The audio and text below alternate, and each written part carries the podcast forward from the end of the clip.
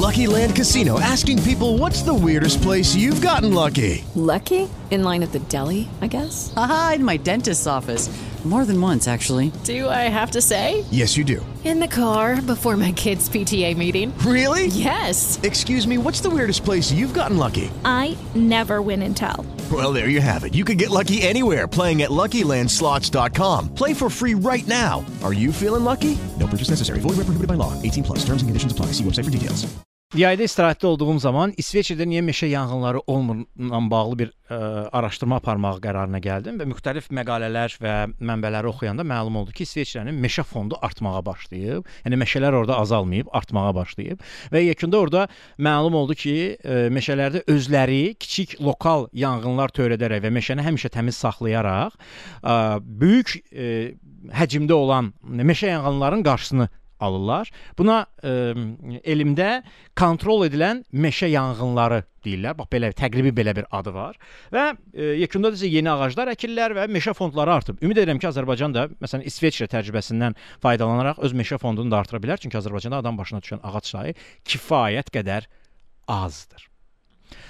Bu məni çox təəccübləndirir və e, düşünürəm ki, bu illər ərzində biz e, hərəmiz, hərəmiz ailə üzvümüzün sayı qədər ağac əksək, məsələn 11 milyon nəfəri e, 11 milyon ağac əkilsə ölkə ərazisində, e, həm hava təmiz olar, həm təbiət gözəlləşər, həm ekologiya düzələr, həm meşə fondumuz artar və s. Amma biz ə, çox təəccüblüdür ki, bu məsələni yalnız və yalnız dövlətdən gözləyir ki, dövlət əksin. Özümüz də əkə bilərik. Yəni şükür Allaha, ə, ölkənin müxtəlif ərazilərində ağac satışları var. Getdin 4 nəfərsiz ailə özünün hərənizin öz adınıza bir ağac əkin. Lucky Land Casino asking people what's the weirdest place you've gotten lucky? Lucky? In line at the deli, I guess? Aha, in my dentist's office. More than once, actually. Do I have to say? Yes, you do. In the car before my kids' PTA meeting. Really? Yes. Excuse me, what's the weirdest place you've gotten lucky? I never win and tell. Well, there you have it. You can get lucky anywhere playing at LuckyLandSlots.com. Play for free right now. Are you feeling lucky? No purchase necessary. Void where prohibited by law. 18 plus. Terms and conditions apply. See website for details. With Lucky Land slots, you can get lucky just about anywhere. Dearly beloved, we are gathered here today to. Has anyone seen the bride and groom? Sorry, sorry, we're here. We were getting lucky in the limo and we lost track of time. No, Lucky Land Casino, with cash prizes that add up quicker than a guest registry. In that case, I pronounce you lucky. Play for free at LuckyLandSlots.com. Daily bonuses are waiting. No purchase necessary. Void where prohibited by law. 18 plus. Terms and conditions apply. See website for details. müəyyən bir yerdə icazə verilən yerdə təbii ki. Hansı ki ona özünüz də qulluq edə bilərsiniz. Bu həyətinizdə ola bilər, ə, yol kənarında ola bilər və s. Ə, Məsələn biz ötən il neçə təxmini ə, 200-ə yaxın ək- ağac əkdik bir kampaniya çərçivəsində. Ona görə məncə təəccüblüdür ki, siz bundan kənarda qalırsınız. Bəs yollarda nələrə təəccüblənmirsiniz dostlar?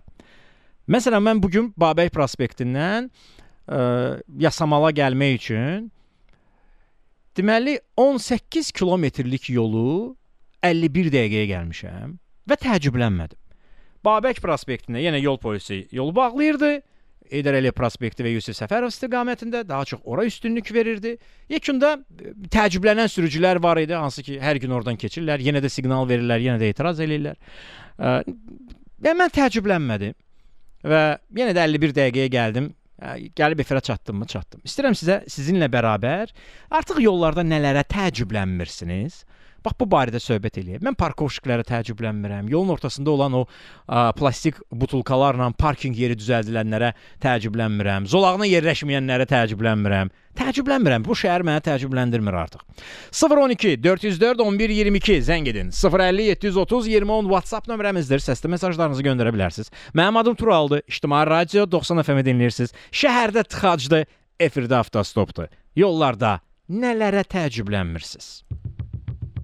Avtostop bəs kimin sənin o kimin mənim o kimin sizin o kimin bizim. O 1800 verin səsi o açın səsi o qaldır səsi o. Efirə girəcək aktual mövzular saat altını göstərirsə sükut pozular. Bu adamın beyni qanun toplusu arxasında ciddi bir dinləyici ordusu. Suallar yağır hər gün yollarda qaydalardan sürücü də verə bilər sual piyadalarda. Ay tural axı mən o qədər içməmişəm qadağan olunan yerdən yolu keçməmişəm niyə axı mənə Üç bal orada sürat yoksa olmaz uçma. Ver Versus al cevap hafta son e, Dirdan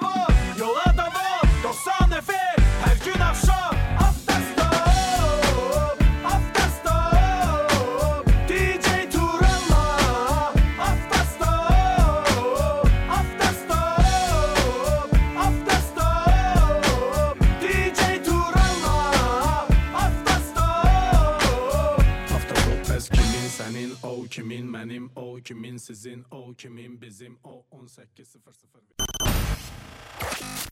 012 404 1122 bizə zəng edib ürəyinizi boşalda bilərsiniz. 050 730 2010 WhatsApp-dan səsli mesajlarınızı gözləyirik.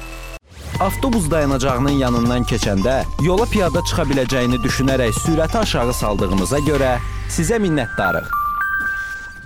Avtostopda efirdə mikrofon önündə mən DJ Tural, İctimai Radio 90 FM dinləyirsiniz. Yol hərəkəti ilə bağlı ürəyiniz hardan istəyir sual verin. Mən sizin sualınıza cavab verəcəm. Elçin Cəfərov yazır ki, polisin məni saxlamasına heç təəccüblənmirəm. Yollarda bax artıq nəyə təəccüblənmirsiniz bu barədə söhbət eləyirik. Ülvi Quluzadə yazır ki, Pradolarda dönmə işığının olmamasına təəccüblənmirəm. Bu gün bir Prado yenə də məni təəccübləndirmədi. Şərifzadə. Ümumiyyətlə Şərifzadədən gedəndə artıq təəccüblənmirəm. 4-cü sırada adam saxlayıb maşını saxlayıb, konkret saxlayıb sərnişin düşürtür, sərnişin mindirir və arxasında nə qədər adam var. Yəni ə, özümüzdən başqa digərlərini düşünmədiyimizi gördükcə təəccüblənmirəm. Bu artıq adi hal alıb, adət hal alıb. Ə, empatiya yoxdur. Empatiya yoxdur. Siqnal vermək də Bu deməkdir ki, siz orada evdə oturmusunuz, uşağınızı yatızdırırsınız, kimsə xəstədir, kimsə istirahət edir, məni maraqlandırmır. Mən siqnal verirəm, çünki öz egomu sakitləşdirməliyəm. Və ya nəyə təəccüblənmirəm? Bu gün bir sürücü gördüm. Deməli 20 metr məsafəni getmək üçün çıxdı sol zolağa, sol zolaq ancaq sola dönür ha. O 20 metrdə biraz qabağa getdi, sonra təzədən hamını ləngidərək sağa döndü. Qardaş, bu 20 metr ilə bizim arxamızca gəlsəydin, düppədüz keçəcəydin də, yəni ləngitməyə ehtiyacı olmayacaqdı. Amma təəccüblənmədim. Hə, bir də təəccüblən təəccüblənmirəm artıq. Bütün işıqlarını söndürüb yalnız duman ledləri ilə maşın sürənlərin, avtomobil sürənlərə cəza verilməməsi təəccübləndirilmir. Desən yol polisinin daha prioritet işləri var. Fariz Qəhrəmanov yazır ki, sizin bu qədər deməyinizə, göstərməyinizə rəğmən hələ də bildiyini edən sürücülərə artıq təəccüblənmirəm. Rəşad Aslan yazır, ara məsafəsi saxlayan zaman həmin aralığa özünü dürtənlərə heç təəccüblənmirəm. Bəxtiyar Zakiroğlu isə yazır ki, dönmə işığından istifadə etməyən amma ksenon lampaların gecə-gündüz yandıran sürücülərə təəccüblənmirəm. Nicat Əskərov telefon xəttindədir. Nicat, salam əleykum. Salam Tural bəy. Necəsiz Nicat? Yaxşı, şükür. Bu gün yaxşıyam. Bu gün yaxşısınız. Niyə dünən nə olmuşdu ki? Çünki Çünki bu il mən çox rahatlıqla artıq 28 may metrosunun yanındayam və Doğrudan bu möcüzə necə baş verdi? Heç özüm də yəni şokdayam hələ ki. Aha. Amma baş verdi. Yəni 12 dəqiqəyə mən gəlib çatdım. Sokar Tower'dan 28 may metrosuna. Aa, Nicat bir söz soruşum. Son vaxtlar mən... nə oxuyursunuz və ya nə dinləyirsiniz? Son vaxtlar e, dinləməyə adətən rus musiqisini dinləyirəm, amma oxumaqla o qədər aram yoxdur. Doğrudan niyə? Mən səbrim çatmır oxumağa. Onda dinləyin də, audio olaraq dinləyin də, audio kitab olaraq dinləyin də. Nəsə başlaya bilmirəm heç cür. Məsələn, bu gün başlamaq üçün səbəb ola bilər. Ə, mən bir neçə belə deyək də kiçik xırda bir tövsiyələr verim ki, şərt deyil ki, böyük romanlar və ya böyük həcmdə olan ə, ə, ə, kitablar fundamental bir elmi haqqında olan kitabları dinləyin. Məsələn, ə, Harvard Business Review-nun kitab versiyası var. Onlar kiçik həcmdə olurlar və ə, ümumilikdə sizin vaxtınızı 45-50 dəqiqə ala bilərlər. Amma onun audio versiyaları var. Harvard Business Review-nun audio versiyaları var. Bu menecmentlə bağlıdır, iş ilə münasibətlərə bağlıdır, təqdimatlar necə aparılmalıdır, çıxışlar necə aparılmalıdır, işçi və iş sahibi arasında münasibətlərdən tutmuş motivasiyaya qədər ə, çox maraqlı ə, seriyalar var. Məsəl üçün deyirəm ha, məsələn Aha. o ən ə, məşhurlarından birini deyəcəyəm. Zamanınızı deyil, enerjinizi yönətmək türk dilindədir o. Deməli, ə, zamanı deyil, bəzi adamlar deyirlər mənim vaxtım heç nəyə çatmır. Əslində onun enerjisi çatmır o qədər işi görməyə. Yəni enerjinizi ə, düzgün bölüşdürərsinizsə, daha prioritet işlərlə məşğul olarsınızsa və ya ə, ən yaxşı iş yerini necə düzəltmək olar? Haz, ə, bu yenə ə, Harvard Business Review-nundur. Daha sonra özünü idarə etmək, kəndini yönətmək türk dilində deyəcəm. Çünki kitab audio səslənməsi ə, məhz türk dilindədir. Sonra öyrənməyi öyrənmək necə öyrənmək olar? Bax bu çox maraqlıdır və təxmini sizin 56 dəqiqə vaxtınız gedəcək. Hətta onu siz bir neçə dəfə qulaq asıb qeydlərinizi aparsanız ki, ə, uzun müddət aradan sonra mən universitetdən sonra kitabı oxuyub və ya dinləyib mütləq qaydada qeydlərimi aparıram. Həm yaddaşı artırır, həm də əl şeyini eləyir. Yəni yeni neyronlar beyninizdə neyrogenez yaranır və ya ə, fərqliliklərlə önəm qazanın. Yəni bir e, siz bir iş görürsünüz. Siz neftə planlama mühəndisisiniz, düzdürmü? Bəli, bəli, bəli. E, e, onlarla e, planlama mühəndisi var. Amma siz işinizə fərqli yanaşma və ya daha çevik yanaşma ilə, onlardan fərqlənməklə bu işi daha yaxşı görə bilərsiniz. Yəni iş o haqqdadır ki, görəcəyin işi, məsələn mən radio veriliş aparıramsa, hamı kimi şablon aparsam maraqsız olacaq. Mən onu fərqlilik eləməliyəm ki, bu önəmli bir verilişə çevrilsin. Düzdürmü? Hə, suala özüm cavab vermiş olum və ya e, kitablardan danışım efirdə, ümumiyyətlə insanların həyatından danışaq efirdə və s. Yəni e, demirəm fundamental e, böyük e, avtobioqrafik ə, Lee Kuan Yew-nun həyatını oxuyun. Amma kiçik həcmdə məqalə tipli kitablar Valla o 45-50 dəqiqə ki yol gedirsiniz də, musiqi qulaq asana qədər ona qulaq assanız o sizə daha çox fayda vermiş olacaq. Çünki musiqini axşam yatmamışdan öncə də qulaq asa bilərsiniz, səhər idmanında da qulaq asa bilərsiniz. Amma mən səhər idmanında həm də kitaba da qulaq asıram, audio kitablara qulaq asıram. Hə, o, o zaman daha çox kitab oxumuş olursan ha. Məsələn, səndə yaddaş necədir? Yəni bu oxuma yaddaşıdır, audio yaddaşıdır, yazma yaddaşıdır. Öyrənəndə necə öyrənmək sənə rahatdır? Alo. Deyirəm Nicat. Ay Nicat. Nicat. Ha, getdi kitabını düzəltdir. Şey, kitabı dinləməyə. Bəzi adamlar var, yəni Bəzi adamlar var, həqiqətən də öyrənmə ə, üsulları fərqlidir. Hətta bununla bağlı elə ə, son bir kitab oxuyurdum. Orada deyir ki, biz ə, öyrənməyə öyrənmək Harvard Business Review-da deyir ki, hər insanın öyrənmə metodologiyası tamamilə fərqlidir. Biz onları məktəbdə bir cür öyrənməyə təşviq edirik ki, sən bir cür öyrənəcəksən. Amma elə adamlar var ki, məsələn, ə, səsli yadda saxlayırlar. Məsələn, mən səsli və görüntülü yadda saxlayıram. Mən yazmaqla yadımda saxlamıram. Baxıram, foto yaddaşdır və audio eşidirəm, onu beynimə yazıram. Amma e, adam var yazı ilə öyrənir. Adam var təkcə baxaraq öyrənir, yadında saxlayır və bu metodologiya məktəbdə e, deyir ki, yəni kitabda nə deyir? Deyir ki, əgər biz hər uşağı öyrənmə metoduna uyğun olaraq hərəsi üçün ki, məsələn, audio öyrənənlərin sinifi ayrıdır. Şək baxaraq foto yaddaşı olanlar varsa, o foto yaddaşla öyrənənlər ayrı sinifdədirlər.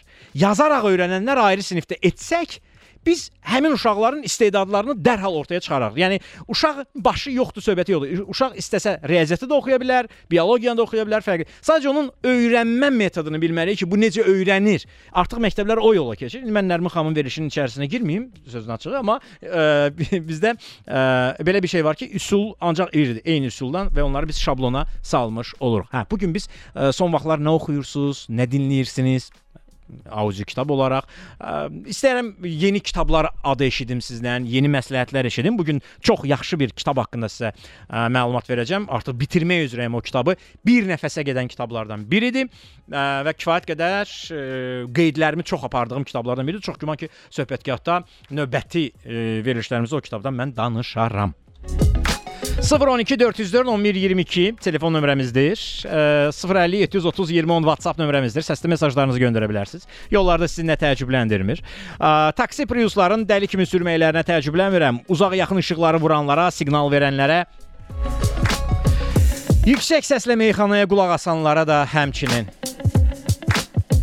Tək heç olmasa meyxanada əgər ibrətamiz sözlər varsa, ondan nəsə öyrənib nəticə çıxarsa həyatına, onu öyrənsin, amma başqalarını narahat edərək yaşamaq da doğru seçimlərdən deyil. 012 404 1122 bizə zəng edib ürəyinizi boşalda bilərsiniz. 050 730 2010 Nə sualın varsa WhatsApp-a yaz. Avtostop efirdə mənim adım Tural, İctimai Radio 90 FM-i dinləyirsiniz. Yol hərəkəti ilə bağlı ürəyiniz hardan istəyir sual verin, mən sizin sualınıza cavab verəcəm. Və deyin görə yollarda nələrə təəccüblənmirsiniz? Babək Əliyev telefon xəttindədir. Babək, salam əleykum. Əleyküm salam Tural bəy, necəsiz? Yaxşı, siz necəsiz Babək? Şükür Allah, yaxşı olun. Ə, son vaxtlar nə dinləyirsiniz və ya nə oxuyursunuz? Valla dinləmirəm, e, insan anatomiyası oxuyuram. İnsan anatomiyası oxuyursan? Bəli. Nə üçün? Həvəsim var deyək. Həvəsiniz var? Bəli. Ə, nə kimi çalışırsınız? Taksi fəaliyyəti ilə məşğulam. Taksi fəaliyyəti ilə məşğul olan insan anatomiyası ilə bağlı niyə Bəli. maraqlansın? Çünki Çox uşaqlıqdan, maraqlıdır. uşaqlıqdan qalan bir e, hobbidir deyək. Ha, yəni e, insan anatomiyası ilə bağlı kitablar da, fərqli-fərqli kitablar. Düz anladım. bəli, bəli, yəni bəli. anatomiya dedikdə nəyi? Bu ə, ağciyərin işləməsi, ürəyin işləməsi, beynin işləməsi nə ilə bağlı? Məsələn, neyrobiologiya var, nə bilim, ə, beyinlə bağlı var, kardio var, yəni ürək. Ə, nə nə ilə bağlı oxumağa daha çox üstünlük verirsiniz? E, demək olar ki, hamısı ilə bağlı oxuyuram. Yəni e, ən çox e, ürəyimə yatan ürək sistemidir, bir də sinir sistemləridir, yəni. Sinir sistemi ilə bağlı. Bəli, bəli. O, nə öyrənmisiniz orada? Valla e, çox şey öyrənmişəm, amma ən təəccübləndiyim e, bir mövzu var ki, hansı ki insanın əzalarında, bədənində olan sinir sistemini birləşdirib bir araya gətirdikdə, yəni yer kürəsi yer kürəsini əhatə edəcək qədər insan bədənində sinir sistemi var. Aydın. Əla. Ə, belə bir ə, yəni bununla bağlı müxtəlif ə, müəlliflər var. Bunlar daha çox elmi işlərdir də. Yəni e, elmi ədəbiyyat sizə maraqlıdır. Yəni çətin El- dili çətin gəlmir ki sizə, yəni. Çünki bu daha çox prof, e, professional insanlara aiddir. Yəni beyin necə işləyir? Məsələn Sinan Cananın o beyin üzrə uzmandır.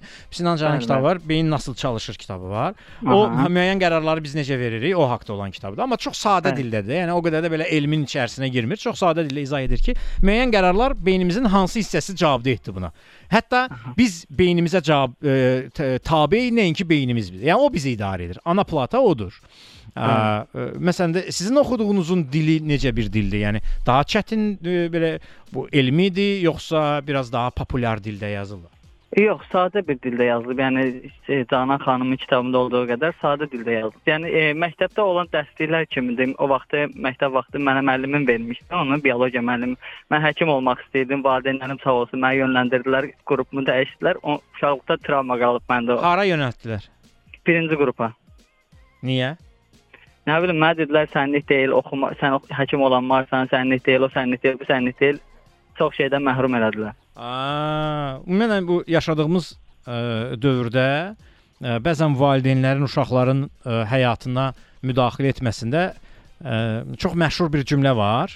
Deyir ki, adətən valideynlər belə deyirlər. Mən istəyirəm ki, bir dəqiqə deyəndə sən nə istəyirsən? Uşaq nə istəyir? sən o çox şey istəyə bilərsən. Sən istəyirsən özün get birinci qrupda oxu da. Məni göndərsən birinci qrupa. Yəni biz uşaqların fikirlərini və arzularını, istəklərini nəzərə almadığımıza görə Ə, bəzən ə, ə, tarixçi radio aparıcı olur məsələn mən və s. və s. və s. Yəni adam gedib jurnalistika oxumaq əvəzinə gedib tarix oxumuşum. Yəni əslində bu vardısa, yəni bunu görmək olardısa, bilmirəm, bəlkə də ə, valideynlərimizdə bu Sovet dövründən qalıb deyə bir şablon, bax bu yaxşıdır, 3-cü qrup falandır, nə bilim, birinci qrup gedərsən neft mühəndisi olarsan, nə edirsən həkim olub. Sən bacarmazsan ümumiyyətlə ə, bununla bağlı bir misal hər zaman çəkirəm. Məsələn, Amerikada siz bir basketbol oynayın ya futbol oynayın, Britaniyada, İngiltərə fərq etməz. Topu əyri vurun.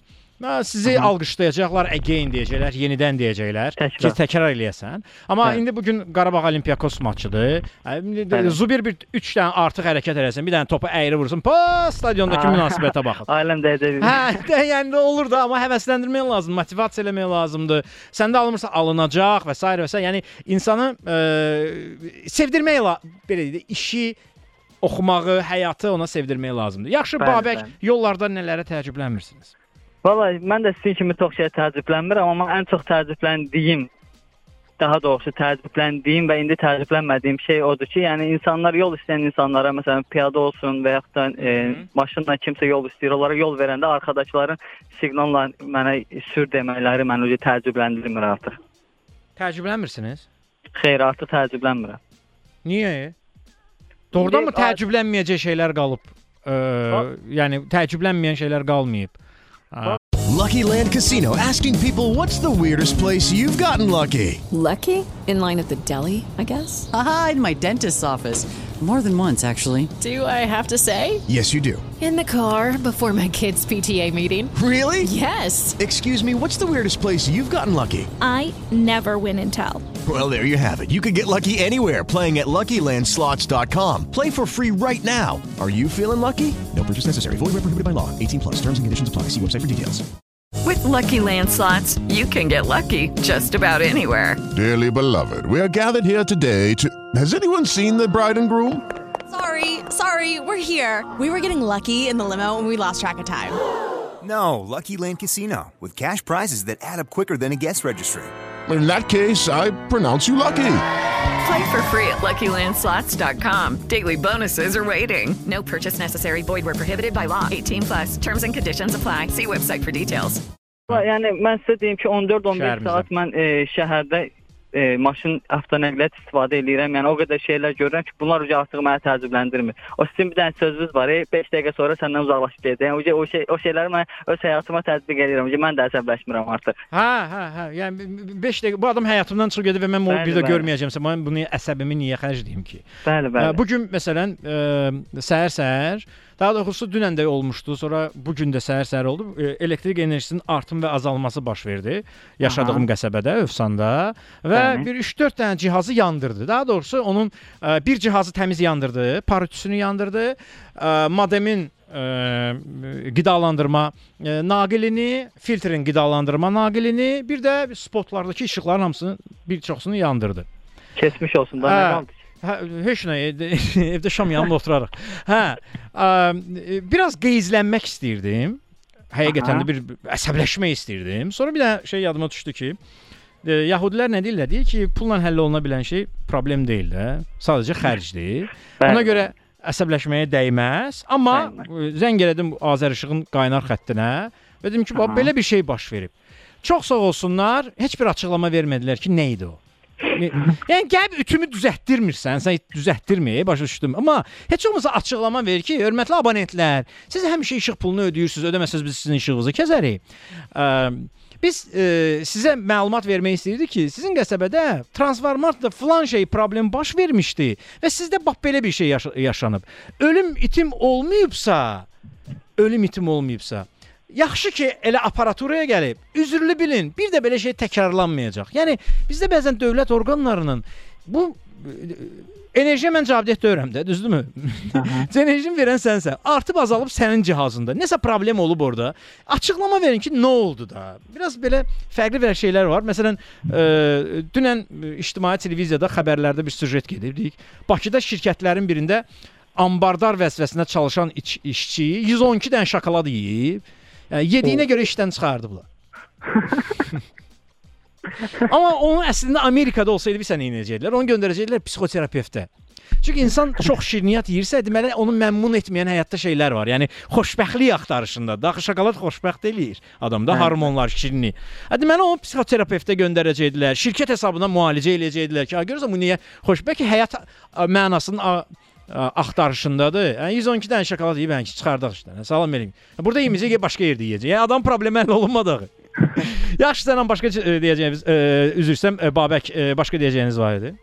Bəli, Turan bəy, mən e, hardasa avqust ayının 23-ü e, əmimin Allah rəhmət rəhmət eləsin. Əmimin yetkisi idi, ora gedirdim. Allah rəhmət eləsin. İki, iki maşın gedirdik, dalqabaq gedirdik, Masallı rayonuna hı. Deməli, e, ən sol zolaqda hərəkət eləmişəm yol boyu Salyan postuna qədər. Qaydaları pozmusunuz. Bəli, bəli, bilirəm. Məni saxladılar. Polis əməkdaşı məni saxladı, düşdüm maşından. E, biri e, gəldi özünü təqdim elədi. Dedi komandir indi sizə yaxınlaşacaq. Mən də gözlədim. Komandir yaxınlaşdı. Mənə qayıt dedi ki, e, narkolojidən test verə bilərsiniz. Dedim ki, verə bilərəm, amma səbəb nədir? Gözlərim qızarıb. Dedim ki, bəs qızarıb ola bilər ağlamışam, ola bilər yuxusuzam, yəni hər şey ola bilər. Yəni hökmən deyil ki, mən narkotikdən e, e, narkoloji vasitədən istifadə edeyim. Deyir, e, haqlısınız, amma biz e, proseduru e, icra etmək məcburiyyətindəyik. Dedim, problem yoxdur, gedək. -hı. Getdik içəridə indi özünüz e, bilirsiniz də e, azdan çoxdan içəridə başqa söhbətlər getdi. Çıxdım. Yox, mən bilmirəm, çünki mənim posta heç vaxt dəvət eləməyiblər. Aha. E, içəri girdik. E, kameranı açdılar. E, filan yerdə filan radara düşmüsən. Obşum hesabladılar 190 manata yaxın pul cərimə gəlirdi. Hı -hı. 15 manatla başım bağladıq. Mən çıxdım, getdim. Hı -hı. E, prosta məni maraqlandıran şey odur ki, niyə İminovoy mənidə, yəni mən e, mənlə bir yerdə mənim arxamda qaynım da gəlir də, yəni eyni yol. Məktəb uşaqları kimi onu demədə niyə mən? Mən- Məndən başqa Yox, bunlar məktəb- bu uşaqlar da dərsdən qaçmışlar. İndi gəl belə eləyək. Gəl, gəl məsələnin e, qanun nə deyir, o məsələsinə baxaq. Aha. Birincisi qanun deyir ki, yaşayış məntəqələrindən kənarda sol zolaqla hərəkət etmək, avtomagistrallarda, avtomobil yolu ə, nişanı olan yollarda və yaşayış məntəqələrinin kənarında sol zolaq tutaraq hərəkət etmək qadağandır. Aha. Qanun birinci bunu deyir. Amma bu sol zolaq tutaraq getmək e, kamera vasitəsilə aşkara çıxarılıbsa, bu zaman e, kamera vasitəsilə aşkara çıxarılan qayda pozuntularını yolda saxlayıb tələb eləmək olmaz. Yəni posta buna görə saxlamazlar. Saxlamalı deyillər ki, sənin orada 190 manatlıq cərimən var. İndi niyə sol zolaqla getmirsən? 40 manat da. Hı -hı. Ha. Aa, ikinci bir məsələ. Mən də onu dedim, dedim ki, yəni Yenə eyni yaz da protokolu. Niyə demədin ki? şeydir, Sən ayrı-ayrı yerlərdə düşmüsən deyə e, mə- məbləğ bu qədər. Aydın qardaş, çıxdı, yaz protokolu mən şikayət edəcəm. Çünki xüsusi texniki avadanlıq vasitəsilə aşkara çıxarılan qayda pozuntusunu posta saxlayıb tələb etmək qeyri-qanunidir. Qanun bunu Aha. deyir. Səlyan postunda Aha. bilməm nəyə baxırlar, amma ə, qanun bunu deyir. 2. Sərxoşluğun müayinə olması ilə bağlı Nazirlər Kabinetinin qərarı var və orada 3 qayda göstərilib. 3 qayda nədir? Sərxoşluq və narko test. Bunlar hamısı eyni Nazirlər Kabinetinin qərarına gedir. 1. Nəfəsindən alkoqollu içki qoxusu gəlir. Deyə bilərlər ki, narkotik vasitə qəbul edəndən bu qoxu gəlmir. Okay, onda iki, digər iki bənd ə, ona uyğun olur. Bu ayaq üstə sərbəst dayana bilmir və özünü idarə edə bilmir. Yəni gözün qızarması narkotik test və ya sərxoşluğun müayinəsi üçün nə nə alkotestlər, nə də narkotest üçün səbəb deyil. Və bu qaydalar 3 qayda Yusuf Tural Bayramoğlu'nun kəşfi deyil. Nazirlər Kabinetinin hazırladığı sənəddə belə deyilir. Yəni Nazirlər Kabinetinin qərarında deyilir ki, ə, sərxoşluğun ə, müayinə üçün aşkar əlamətlər olduqda, nəfəsindən alkoqollu içki gəldikdə, ayaq üstə sərbəst dayana bilmədikdə, özünü idarə edə bilmədikdə. Yəni mən sizin yerinizə olsaydım, hörmətli Babək, mən nə edərdim? Edərdin. Mən nə edərdim? Deyərdim ki, bir xüsusi texniki avadanlıqlar vasitəsilə aşkara çıxarılmış qayda pozuntusu məndən tələb edə bilməzsiniz. Kamera düşübsə evimə göndərirsiniz. 2. Zəhmət olmasa mənə qaydalarla göstərin ki, həqiqətən də gözün qırmızı olması ə, sərxoşluğun və ya narkotestin ə, müayinəsi üçün əsasdır. Bunun üçün avtostop.tv saytı var. Bizim avtostopun saytıdır. Hər zaman sürücülərə tövsiyə etdiyim sayt odur ki, orada qanunvericilik bölməsində, avtofayda bölməsində elə bir qanunla bağlı bölmə yoxdur ki, yəni qanunda nəzərdə tutulmuş bölmə yoxdur ki, orada nəzərdə tutulmasın. Yəni hamısının məqaləsi var, qanunun izahına qədər, maddəsinə qədər. Məncə siz onu çap eləyib maşınınızda gəzdirin ki, növbət dəfə belə bir problemlə qarşılaşmayasınız. Təşəkkür edirəm. Sənan, salam əleykum. Salam Tural bəy, axşamınız xeyir. Aqibətiniz xeyir, necəsiz? Sağ olun, çox sağ olun, yaxşıyam. İlk öncə bu layihəyə sizə çox təşəkkürümü bildirirəm. Yəni çox məmnun bildirmək istəyirdim. Minnətdaram. Ə, Sənan siz son dövrlər nəsə oxuyursunuzmu, nəsə dinləyirsinizmi? Nə nə ə, boş vaxtınızı necə səmərəli keçirirsiniz? E, boş vaxtımda bəli, nəsə dinləməyi mən də sizin adi kitabları dinləməyi xoşlayıram. Sadəcə axır vaxtlar e, son 2 aydır elə deyim, elə də vaxt olmur boş vaxtlar. Niyə yolda qulaq asda? E, yolda məsələn gedəndə başqa işlər haqqında fikirləşməyə məcbur oluram da. Yəni başqa Həmişə deyirlər ki, ümumiyyətlə yol hərəkətinin təhlükəsizliyi ilə bağlı birinci qayda avtomobil idarə edərkən başqa şeylər haqqında düşünməyin. Çünki Bəli, bəli. ə, belə baxmayaraq ki, hərəkətləriniz avtomatlaşdırılır, amma yekunda bu bu sizə ə, zərər verə biləcəyi bir şeydir. Amma məsələn üçün ə, çox yaxşı ə, çox yaxşı ə, audio kitablar, qısa belə deyək də, audio kitablar, hansı ki siz ox oxuduğunuz zaman həm yolun maraqlı olacaq. Misal deyirəm də, siz tutaq ki, bir 30-35 dəqiqə, 40 dəqiqə sükan arxasında olursunuz. Səhər, günorta və ya axşam fərq etməz. Həmin o audio kitabdan çox şey öyrənirsiniz, qatırsınız. Yəni sizin öyrənmə metodunuz ümumiyyətlə nədir? Görmədir, eşitmədir? görmədir. Hə? Görmə. Görmə. Yəni, gördüyüm şeyi tez yaddaşa yaza bilirəm. Hə, eşitməklə yox. Bəli, Ha, onda belə bir hə onda m, yatmamışdan 10 dəqiqə qabaq nəyisə ə, oxusanız məqalə şəklində də ola bilər ha. Bəli, əlbəttə düzdür. Hə, məqalə şəklində də ola bilər ki, ə, şərt deyil kitab. Adətən məsələn dərgilərdə belə eləyirlər də. Bir kitabın qısa xülasəsi də ola bilər. Amma maraqlı oxumaq yaxşıdır. Beyində yeni neyronlar yaradır. Əlbəttə. Siz ambardar olaraq çalışırsınız. Ambar meneceri Bəli. daha doğrusu. Bəli, bəli. Sizdə də şokoladlar var. Yox, bizdə xüsusi geyim şirkətidir. Nədir? Xüsusi geyim şirkətidir də, yəni. Hə, e, xüsusi yem şirkəti. Bəli, bəli. Bəli, bəli, uniformalar. Aha, a- uniformalar, hə, geyim deyirəm. Geyim, geyim. Geyim, Ə, Aydındır, amma məsəl üçün bu xəbər kimi adam 112 dənə şokolad indi şokoladın bahalı növüdür. Okey, başa düşdü amma adam adamı məncə psixoterapevtə göndərib xoşbəxtliyin açarı nədir? Şokoladda deyil, e, terapiyasını alsaydı daha yaxşı olardı. yaxşı, e, sənin yollarda nələrə təəccüblənmirsiniz? Balaca ölkədir. Görürsüz nə qədər yerə maraqlı hadisələr baş verir. Aha. Əlbəttə, əlbəttə. Mən e, yolda da o saxlayırlar, məsələn, harda gəldi, onlara təəccüblənmirəm. Təəccüblənmirsən? Niyə? Xeyr, yəni çox olur da. Yəni artıq o qədər olur ki, məsələn, adam öyrəşir. Bəzən də olur məsələn saxlayırlar, yəni yəni hı. takip qarşılaşıram. Qarşılayıram da, yəni reaksiya vermir.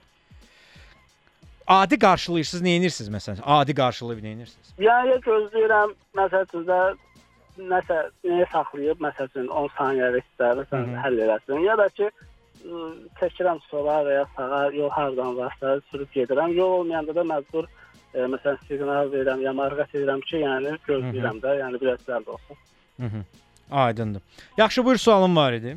E, mən e, 9 oktyabr 15 nolda İnstitut marketəsində Hı -hı. e, məsəl yox polis xidmətinin ofisində saxlanıldım. E, deməli 327.1 yol hərəkətinin e, tələblərini pozmaq üçün saxlamışdım. Sonra müfəttiş mənə yəni izah eləmədi nə saxladığımı və mənim e, maşınımın ön və arxa hissəsinə baxış etdikdən sonra dedi ki, bəs arxa nömrə düzgün deyil. Ə, dedim düzgün. Nədir? Məndə dedi ki, bəs e, bayrağın bir arxa nömrədə qırmızı rəngi solub. Ə, bunun üçün məni cəmi məhkəməsinə apardı, yerində heç bir protokol tərtib etmədən və cəmi məhkəməsinə daxil olanda heç bir akt tərtib etməyə vermədilər. Mən oradan çıxandan sonra 102 və 9 xidmətinə şikayət etdim. Tərsi gün 10 oktyabr işdə olarkən mənə SMS-lə e, cərimə protokolu gəldi ki, bəs e, cərimə yazılıb 342.7 60 manat 4 uzal və Hı hı. e, qərara vurulub bəs belə. E, girdim portala baxdım, baxdım ki, bəs portalda da oktyabrın 10-u yazılıb, e, sistemə də onu köçürüb, onu da qərarlı olub. Hı -hı. E, daha sonra yenə şikayətdə bulundum bununla bağlı ki, bəs belə belə mənə protokol yazıblar, mənim e, xəbərim olmadan da falan. E, bu günlərim baxıram portala. E, 347.2 maddəsi silinib, Hı hı. 27.1 maddəsi yazılıb. Hı hı. Orada qalıb da, Hı hı. daha doğrusu 2 maddə yazmışlar mənə. Amma e, cərimə 60 manat 4 baldır. Aydındır. Yəni ə, sənin nömrə ilə bağlı olan cəriməvi siliblər, amma 327.1 qalaraq 60 manat 4 balı yazıblar. Hə, bəli, bəli. Aydındır. Amma bu nömrə e, bu ümumiyyətlə bu Ümumən e, bayrağın protokol- rəngin solmasına görə cərimə yoxdur. 60 manat 4 bal da deyil. Dövlət qey dövlət qeydiyyat nişanının standartının pozulmasıdır bu, amma bu standart pozulması deyil, onun rəngi pozula bilər də. Yəni siz maşın yum, yuduğunuz zaman onun rənginin solması onun standartının pozulması deyil. Bayraq İraq-İraq üçbucaq formasında olsaydı standart pozulmuşdu. Çünki bayrağın özünün Bəli, bəli. standartı var ki, düz bucaq şəklində olmalıdır. Gəlin belə elə, mən sizin nömrənizi səlahiyyətli şəxsə yönəldim. Zəhmət olmasa. Sizi nə əlaqə saxlasınlar bu məsələdə yardımcı olmağa çalışsınlar. Çox sağ olun. Allah razı olsun. Çoxdan təşəkkür edirəm. Minnətdaram. Təşəkkür. Avtostop davam edir.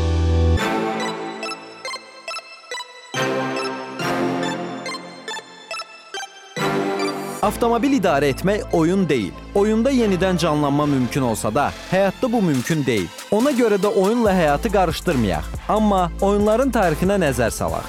Avtostopda oyun çıxartma rubrikası.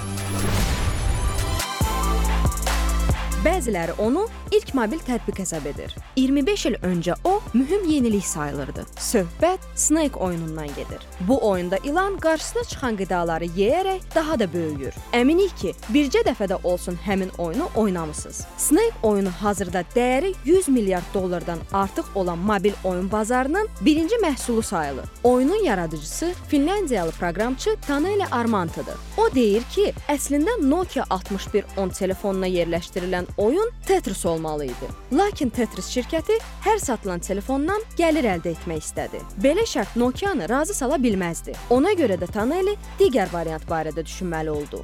Digər variant Snake idi. Snake 1976-cı ildən oyun avtomatlarında oynanılırdı. Lakin onun ilkin versiyası heç də rahat değildi. Proqramçı onu daha da sadələşdirib telefona adaptasiya etdi. Beləcə dünyanın ən məşhur oyunlarından biri yarandı.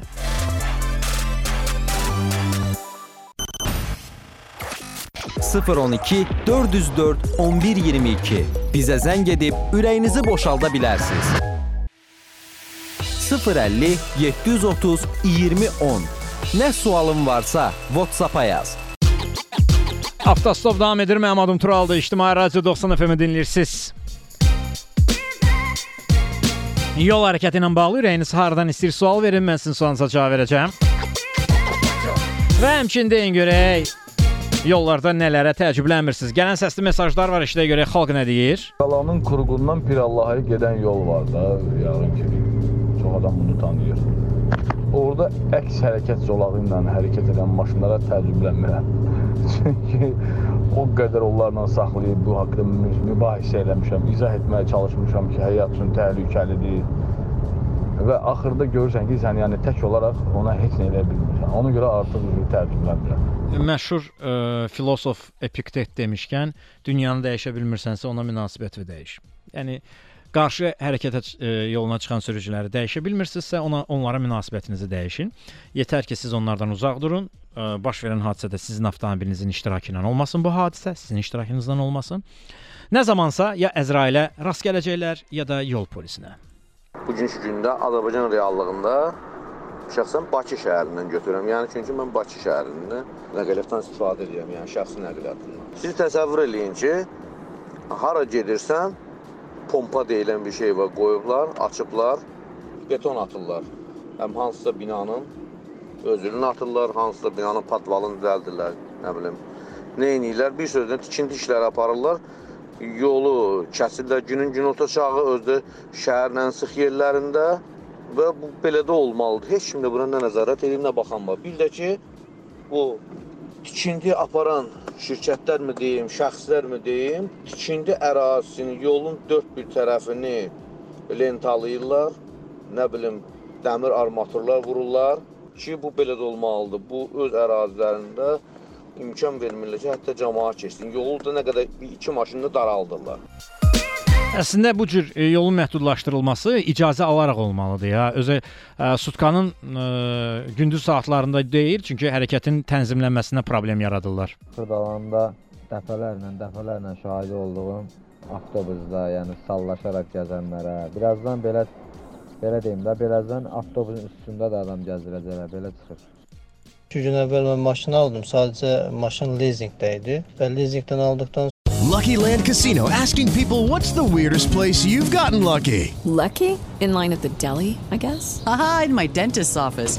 More than once, actually. Do I have to say? Yes, you do. In the car before my kids' PTA meeting. Really? Yes. Excuse me, what's the weirdest place you've gotten lucky? I never win and tell. Well, there you have it. You can get lucky anywhere playing at LuckyLandSlots.com. Play for free right now. Are you feeling lucky? No purchase necessary. Void where prohibited by law. 18 plus. Terms and conditions apply. See website for details. Sonra mənə orada müqavilə təqdim etdilər ki, bu müqavilə gedirsiniz almalı meyvəli deyilən yerə orada və siz aformutu, yəni öz adıma keçirməyə edə bilərəm.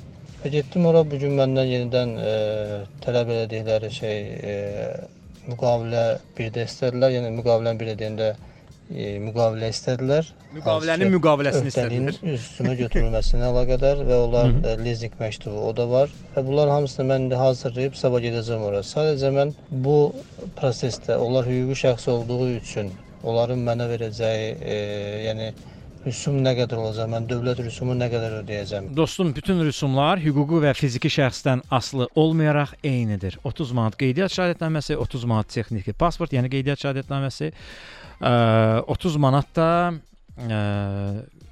nömrə. Texniki baxış, qeydiyyat 30 manat texniki baxış, 30 manat qeydiyyat şahidətnaməsi, 30 manat da nömrə. Rüsumlar hüquqi və fiziki şəxs olmağından asılı olmayaraq eynidir. Şirkətdir, bahadır, fiziki şəxsdir, bahadır, rüsumlar qalxıb belə bir şey yoxdur. Sadəcə nəqliyyat vasitəsi özgəninkiləşdirən zaman nəqliyyat vasitəsinin ili və mühərrik həcmindən asılı olaraq əmsallar tətbiq edilir və onun da hesablama kalkulyatoru var. Bizim avtostop.tv saytına daxil olub onu da hesablaya bilərsiniz. Avqust ayının 8-də məktub yazmışdım. Məktuba cavab olaraq gəlib ki, Gəncə şəhərinin Xətai prospekti ilə Üzeyir Hacıbəy kəsməsində piyada keçidinin olmamasına bağlı. Hansı ki, orada piyada adacıqları tikiləcək. Ondan sonra sizin müraciətinizə baxıla bilər. Bir uzun müddətdir deməli orada piyada keçidi olmamanı hər bir kəs bilir. Hələ indən belə də deyir, gözləyin, baxılsın. Bəs yaxşı, sabahlarım orada vurulan piyadaya görə o sürücü məsuliyyətə cəlb olunacaq. İstəyir inzibati məsuliyyət olsun, xətalar məcəlləsinə uyğun və yaxud da cinayət məcəlləsinə uyğun olsun. Niyə axı bu düşünülməməlidir? Bu piyada keçidin bir dəfəlik tənzimlənməlidir də, orada insanlar necə keçməlidir? Bunu bilməlidir də. Ə, mən sizdən tamamilə razıyam və düşünürəm ki, ümumiyyətlə Respublika Baş Dövlət Yol Polis İdarəsinin ə, siqnal idarəsi bu məsələyə dərhal reaksiya verməlidir. Piyada adacıqları olacaq. Sonra sizin məsələnizə baxılacaq. O vaxta qədər nə qədər piyada öləcək? Piyada adacıqları olana qədər siz orada nizamlanmayan piyada keçidi eləyin. Piyadaların təhlükəsini təmin edin. Adacıq olanda da onu keçidə çevirərsiniz də. Nə problem var ki? Bu yolları e, bilirik, tıxacları, bu yolların e, vəziyyətini bilirik. Əzizim, bu obyektlər tikirlər, obyektlər tikirlər, ya ev tikir, ya obyekt tikir özü üçün. Yolun bir ya 1 metrəsini, metr yarımı, 2 metrəsini bağlayırlar. Orada obyekt tikir özü üçün. Allah ver, xeyir versin deyə, xeyir verməsin deyə və yaxud da ev tikir. Ki yolu bağlayır, yolu yolu özü üçün obyekt edir, yolu səmtin dəyişir, belə deyək, deyir bir 2 metrədə o yüzdən artıraraq getsin. Nəyə təzyiq eləyərsən Aytural bəy? Valla, əslində burada nəzarət edən orqanların nəzarət etməməsi yavaş-yavaş təəccübləndirmir. Elə bil ki, insanlar öz işlərini onlara tapşırılmış və etibar edilmiş işi görmək istəmirlər. Məndə maşının Toyota Priusdur. Mən bilmək istəyirdim, bir üstünə vurulan duqalar, yəni e, baqajlarda belə deyək, baqaj qanunudurmu və ona mən belə deyək də yana, önə, arxaya tıxıntısı nə qədər olmalıdır vurduğum üçün. Bir də maşının, e, yəni həmin Toyota Priusu baqajı açıq vəziyyətdə idarə edə bilərəmmi ya yox? Yox, birincisi siz nəqliyyat vasitəsinin baqaj həz, e, deməli e, hissəsinin qapısını açaraq idarə edə bilməzsiniz. Bu qanunla qadağandır. Və bu cür nəqliyyat vasitəsinin idarə edilməsi doğru deyil. Baqaj hissəsi bağlanmalıdır. Başa düşdüm ki, yükün var və sən onu yükü daşımaq istəyirsən. Nəqliyyat vasitəsinin damında yük daşıya bilərsiniz.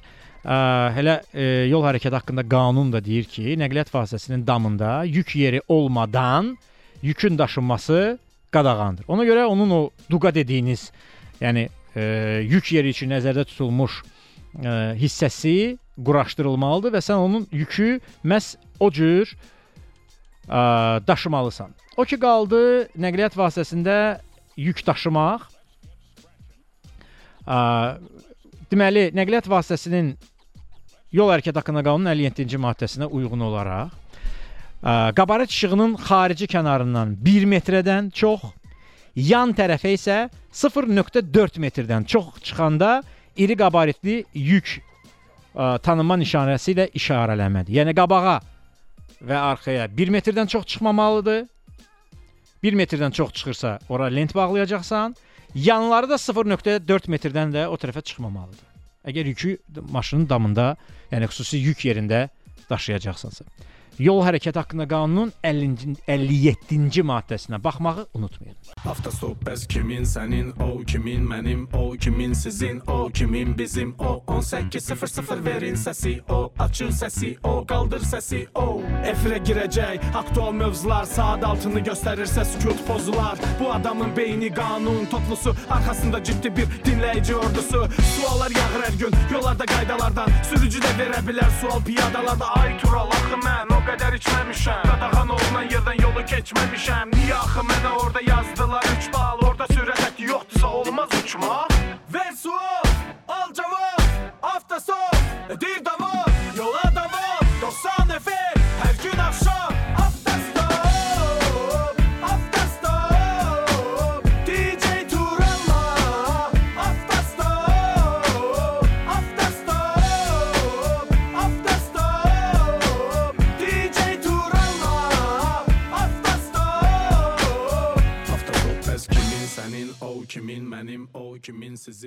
kimin bizim, o 18 Avtostopun ikinci saatına xoş gəldiniz. Avtostop davam edir. 404 11 22-yə zəng edirsiniz. 012 404 11 22 Və ya Yayımımıza qoşula bildinizsə, deməli sizin çox gözəl bəxtiniz var. və ya yayıma qoşula bilmirsinizsə səsli mesaj göndərin. 050 730 20 10 WhatsApp-dan səsli mesajlarınızı gözləyirik. Küçəyə zibil atmadığınıza görə sizə dərin təşəkkürümüzü bildiririk. Yollarda nələrə təəccüblənmirsiniz? Bax bu barədə söhbət edirik. Mahir Əlizadə telefon xəttindədir. E, Mahir bəy salam əleykum. Salam Turabə. Necəsiz? Sağ olun, təşəkkür edirəm. Siz necəsiz? Mən minnətdaram sizə. Çox sağ olun. Hər şey yaxşıdır. Mahir bəy, e, son vaxtlar nə dinləyirsiniz, nə oxuyursunuz? Ee, son vaxtlar e, elektron kitab e, saytı var. Bilməm adını çəkmək problem deyil, Storytel deyə. E, problem deyil. Adı nədir? Storytel? Ha, Storytel deyə uygulama var. Aha. istifadə edirdim. Amma e, belə deyək də son vaxtlar siz ona imkan vermirsiniz. Niyə? Ki, səhər-səhər e, vaxtım az olur işə gedəndə, profka olmur. Aha. Tıxac olmur, axşam tıxac olur, məcbur sizə qulaq asıram ona görə də. Yox, Storytel-də həqiqətən çox yaxşıdır. Düzdür, türkçə, ə, ingiliscə, yəni be- belə dillərdə kitablar var Bəli. və ə, adətən Zəngin. ha- hansı mövzularda dinləyirsiniz? Əsasən kişisel gelişim və marketinq üzərinə e, Mhm. qulaq asmağa çalışıram. A, deməli orada bir dənə çox maraqlı ə, maraqlı bir kitab var. Ə, kitabın ə, uzunluğu 20 dəqiqədir. Cəmi cümlətən 20 dəqiqədir. Ə, Şölən Yücəlin Derin Uyku. Yəni yuxuya necə getmək olar? O haqqdadır. Hə, yox, ona qulaq asmağa. Ha o bizim hamımızın ehtiyacı olan bir şeydir. Biz yuxuya axı dərin getmirik. Biz belə Bəli. ona light yuxu deyirlər də. Belə yüngül yuxu yatırıq. Amma o yuxunun dərin fazası var, bir də REM fazası var. Hansı ki onu daha ə, effektiv yatmaq üçün ə, lazım olan məsələlər deyil. Məsəl üçün deyir ki, yatmazdan yarım saat öncə artıq bütün o göy işıq verən ə, bu telefon olsun, televizor olsun, onları artıq söndürmək lazımdır və bir ə, bir alaqaranlıq bir ortam ta- ə, Yaratmaq. yaratmaq olar və misal üçün ya bir həzin musiqi dinləmək və ya kitab oxumaq və ya jurnal oxumaq və ya məsələn ot çayı və ya yaşıl çay və hansı bir çay içərək, məsələn ə, Berganda çayları var. Hə, çayı içə-içə söhbət edərək özün biləcəksən ki, yuxun gəlir və gəlib rahat yatacaqsan. Yəni bir bir yuxunu bir rituala çevirmək məsələsidir. Çünki insanlar yaxşı yatmayanda səhər əsəbi olur, qıcıqlı olur, narahat olur, ə, Yuxu qərar görür. Mən bildiyim qədər yuxu görməməli dərin yuxuya getdikdən sonra. Hə, hə, hə, hə, hə. Ha, Yəni yox, e, e, belə deyək də bizim bir qonağımız var idi, Almaniyada həkim idi. A, və o e, belə bir şey dedi. Dedi ki, insanın beyni yaddaşa vermə prosesi yatanda olur. Yəni sən mən Yatanda olur, bəli. Hə, mən mən sizin sizinlə danışıram. Bunu verdiyim yaddaş gecə olur. Yəni oradan lazım olan hissələri ə, sırf ə, yatanda eləyir. Ona görə yəni formatlayır da, yəni keşi təmizləyir, kompüter kimi düşünsə. verir, lazım olmayanları da e, udavit edir, belə də, kompüter for- for- Hə, kompüter ə, ə, nəzərə alsaq da, yəni kompüter formatında düşünsək, bu cür beyni təmizləyir. Ona görə yaxşı yatmaq önəmli məsələlərdən biridir. Çünki hətta insan yatanda arıqlayır. Ona görə deyirlər ki, yatmaq, arıqlamaq üçün yatmaq lazımdır. Hə, onu bilmirdim. Hə, çünki ə, arıqlamaq üçün xidmət edən hormonlar axşam saat 11-dən sonra ifraz olunur. Özü onun bir vaxtı var. 11-dən 1-ə qədər. Yəni 11-dən sən artıq yataqda olmalısan ki, 1-ə qədər bu ifraz olunsun. Uşaqlara ona görə deyirlər ki, uşaqlar saat 10-dan yuxuya getməlidirlər ki, 11-də bu ifraz başladı. Onun boy Düzdür, hə, böyümə hə, hormonu. Düzdür, düzdür, hə, onu bilirdim. Hə, düzdür, düzdür, haqlısınız. Bir bir də maraqlı şey öyrənmişəm. Deməli, bu elə yuxu ilə bağlı araşdırmalar eləyəndə deyir ki, ə, yorğanınız nə qədər ağırdısa, siz o qədər dərin yuxuya gedirsiniz. Niyə görə? Çünki sizi e, insan belə də uşaq vaxtında ki, ana bətnində bizi saxlayıblar, sonra ana bətndən çıxandan sonra bələmişik. Bu təhlükəsizlik şeyi yaradır. O vaxtın e, e, şey yorğanları da qalın idi də, nənələrimizin belə sırdı. Güvən verir deyə. Hə, o güvən verir deyə sən artıq çox rahat yatın, beynini söndürə bilirsən. Ona görə ki, yorğanınız ağır olarsa, belə üstünə çəkdin, hoppa getdi nə? Artıq sönmüş. sönmüş ol. Ki, mən ağrı yorğanda yatamıram. Gərək yorğanım inci olsun. İndi e, e, ümid edirəm ki, sükan arxasında heç kim yatmadı, yuxusu gəlmədi. Səbirlə yolumuzu davam edirik, axşam yatar. Yaxşı Mahir, ə, nələrə təəccüblənmirsiniz yollarda? Ə, Təcrübələnmədiyim nədir? Ə, bəzi sürücülər var, ə, hətta sayları da kifayət qədərdir. Baxırsınız da, yəni cüzdən mən biraz çox istifadə edirəm. Arxadan gələndə kifayət qədər izləyə bilirəm. Hər kəsdən yol istəyir. Hər kəsdən yəni onun ötüşdürməsini istəyir, amma ə, o an gəlir ki, kimisə bu ötüşdürməlidir. Qəti şəkildə ötüş- ötüşdürmür və Hı hı. ə, belə deyək də, ə, birbaşa ə, siqnala basır ki, yəni mənim qabağıma keçmə, mən keçməliyəm. Bu bu cür sürücülərə biraz ə, artıq təcrübələnmirəm. Açığını deyim, artıq mən bu yaşa qədər gəldikdən sonra, yəni bu yaş təcrübəm təzahür edir ki, artıq heç nəyə təcrübələnmirəm, amma onlara Hı hı. heç təcrübələnmirəm artıq. Onlara təəccüblənmirsiniz. Əla. Ə, buyurun ə, Mahir, ə, başqa deyəcəyiniz var idi? Ə, mən, mən müraciət və eyni zamanda sizin köməyinizdən ə, belə ə, ə, ehtiyacım var. Mən ə, Allah bütün hər kəsə qismət eləsin. Övladım bu il Azərbaycan Gömrük Akademiyasının qəbul olub. Aha. Yəni çox sevinirdi, oranı da Aha. və qəbul Maşallah. oldu çox şükür. Sağ olun. E, amma e, ora qəbul olandan sonra mən övladımı aparıb akademiyaya tə təqdim edildi. Tanış elədiyim gün özüm də aparmışdım. Orada e, düşür belə deyək də yolu keçəndə baxdım ora çox təhlükəli bir yerdir. Akademiya bilmirəm bilirsiniz yerini yoxsa yox. Aha. E, Zabratdan e, Maçdağaya gedəndə elə bu e, Texmotor e, olan yerinin yanındadır. Hı -hı. Mostu düşən tam düşməmiş elə oradadır. Bəli. Düzdür, e, beni aparıb ora e, knopkalı e, Svetofor qoyubdur. qoyub, aha. Aha, qoyubdur. Amma e, elə bir yerdir ki, e, ora e, Məşdağaya e, gedən də, gələn də e, yol enlidir, yol boş olur. İstərseniz sürət həddini aşırlar. Hı -hı. Yəni burada elə bir şey qeyri-ixtiyari belə bir şey yaranır. E, mən təhlükəni gördüm və övladımı e, əvvəldən öncədən xəbərdar edirəm ki, burada çox təhlükəlidir. Burada diqqətli ol. Hı -hı. Amma nə qədər diqqətli olsa da bir son bir ayda mənim bildiyim e, iki qəza baş verir. Bir qəzada iki dənə tələbə həyatının dünyasını dəyişib. Yəni Hı -hı. e, bir qəzada da çox böyük bir belə ciddi bir qəza idi, amma e, akademiyadan e, bir zərər çəkən olmamışdı. Amma hər halda o maşınların sürücülərindən və ya sərnişinlərdən zərər çəkməmiş olmazdı. Çünki çox ciddi bir qəza idi. Hı hı. Şəkillərini də mən gördüm. Hı -hı.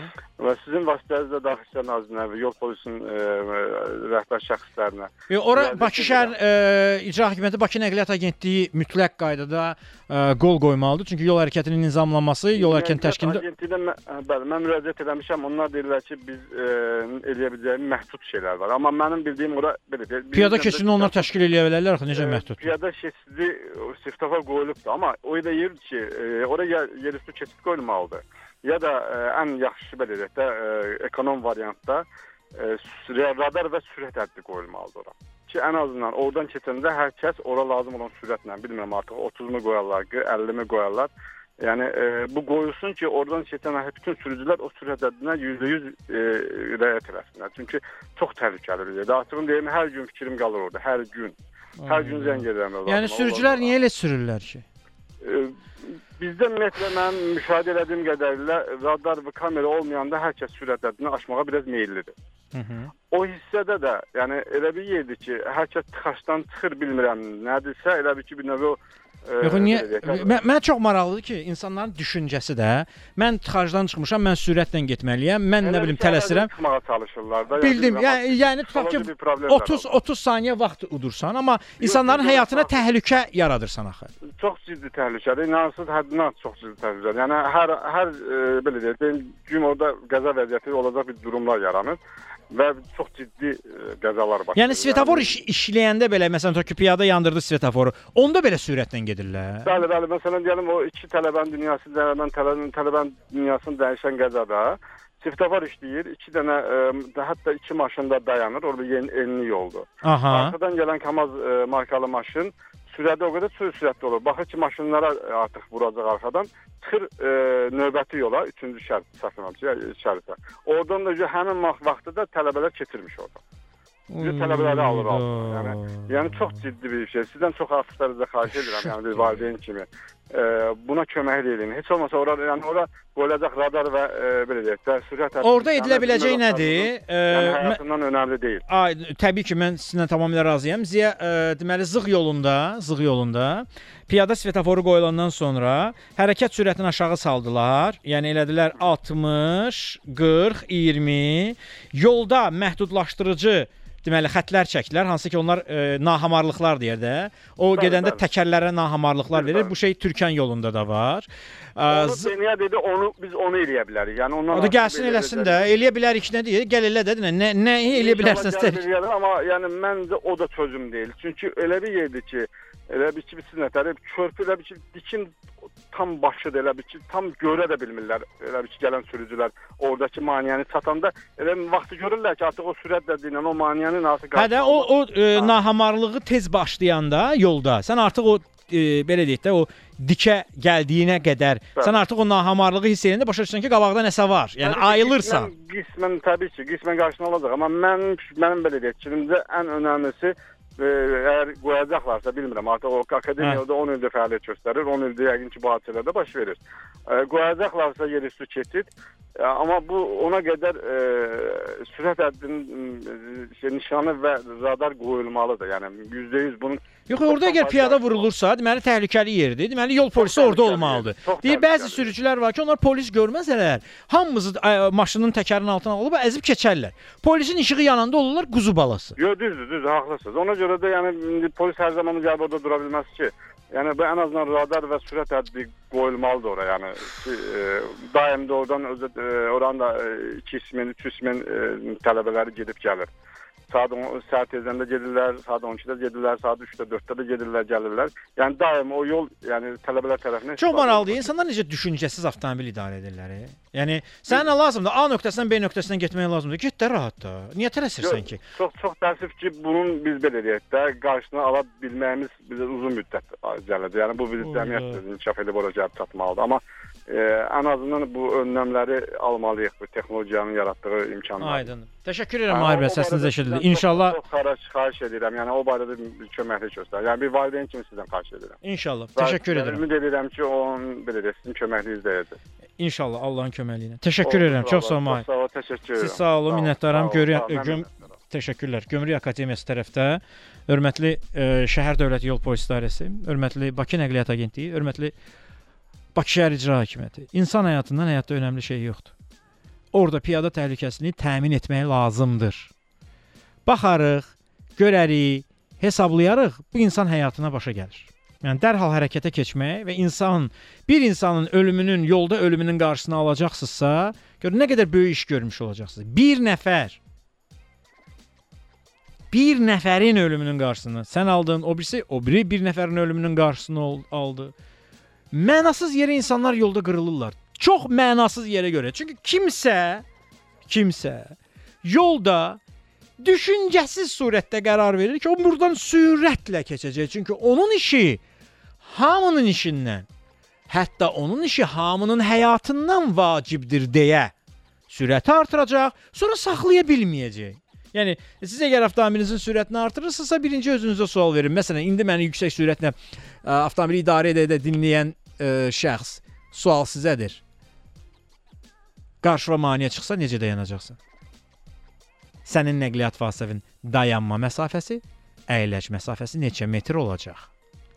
Sən onu vurmamaq üçün nə edəcəksən? Sənin qarşısına, qarşına maneə çıxacaqsa, B planın nədir?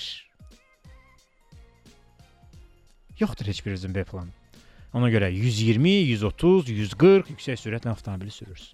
Maneə çıxanda necə dayanacaqsınızsa, fərqində belə deyilsiniz. Gedim çatım ora. Çatacaqsınız da. Heç kim yolda qalan deyil. Hamı gedib çatacaq. Amma hadisə törənəndə nəinki yolda qalmaq, həyatı yarımçıq qalmaq, işlərin yarımçıq qalması və evə getmədən birbaşa dəmir barmaqlar arasına yollanmaq da ola bilər. Sizdən yoxdur da. Svetoforda dayananda siqnal vermirsiniz.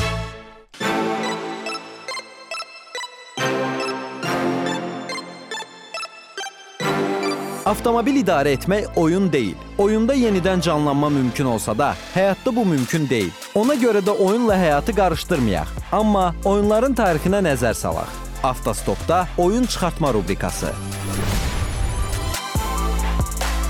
Bəziləri onu ilk mobil tətbiq hesab edir. 25 il öncə o mühüm yenilik sayılırdı. Söhbət Snake oyunundan gedir. Bu oyunda ilan qarşısına çıxan qidaları yeyərək daha da böyüyür. Əminik ki, bircə dəfədə olsun həmin oyunu oynamısınız. Snake oyunu hazırda dəyəri 100 milyard dollardan artıq olan mobil oyun bazarının birinci məhsulu sayılır. Oyunun yaradıcısı Finlandiyalı proqramçı Taneli Armantıdır. O deyir ki, əslində Nokia 6110 telefonuna yerləşdirilən oyun Tetris olmalı idi. Lakin Tetris şirkəti hər satılan telefondan gəlir əldə etmək istədi. Belə şərt Nokia-nı razı sala bilməzdi. Ona görə də Taneli digər variant barədə düşünməli oldu. Digər variant Snake idi. Snake 1976-cı ildən oyun avtomatlarında oynanılırdı. Lakin onun ilkin versiyası heç də rahat değildi. Proqramçı onu daha da sadələşdirib telefona adaptasiya etdi. Beləcə dünyanın ən məşhur oyunlarından biri yarandı.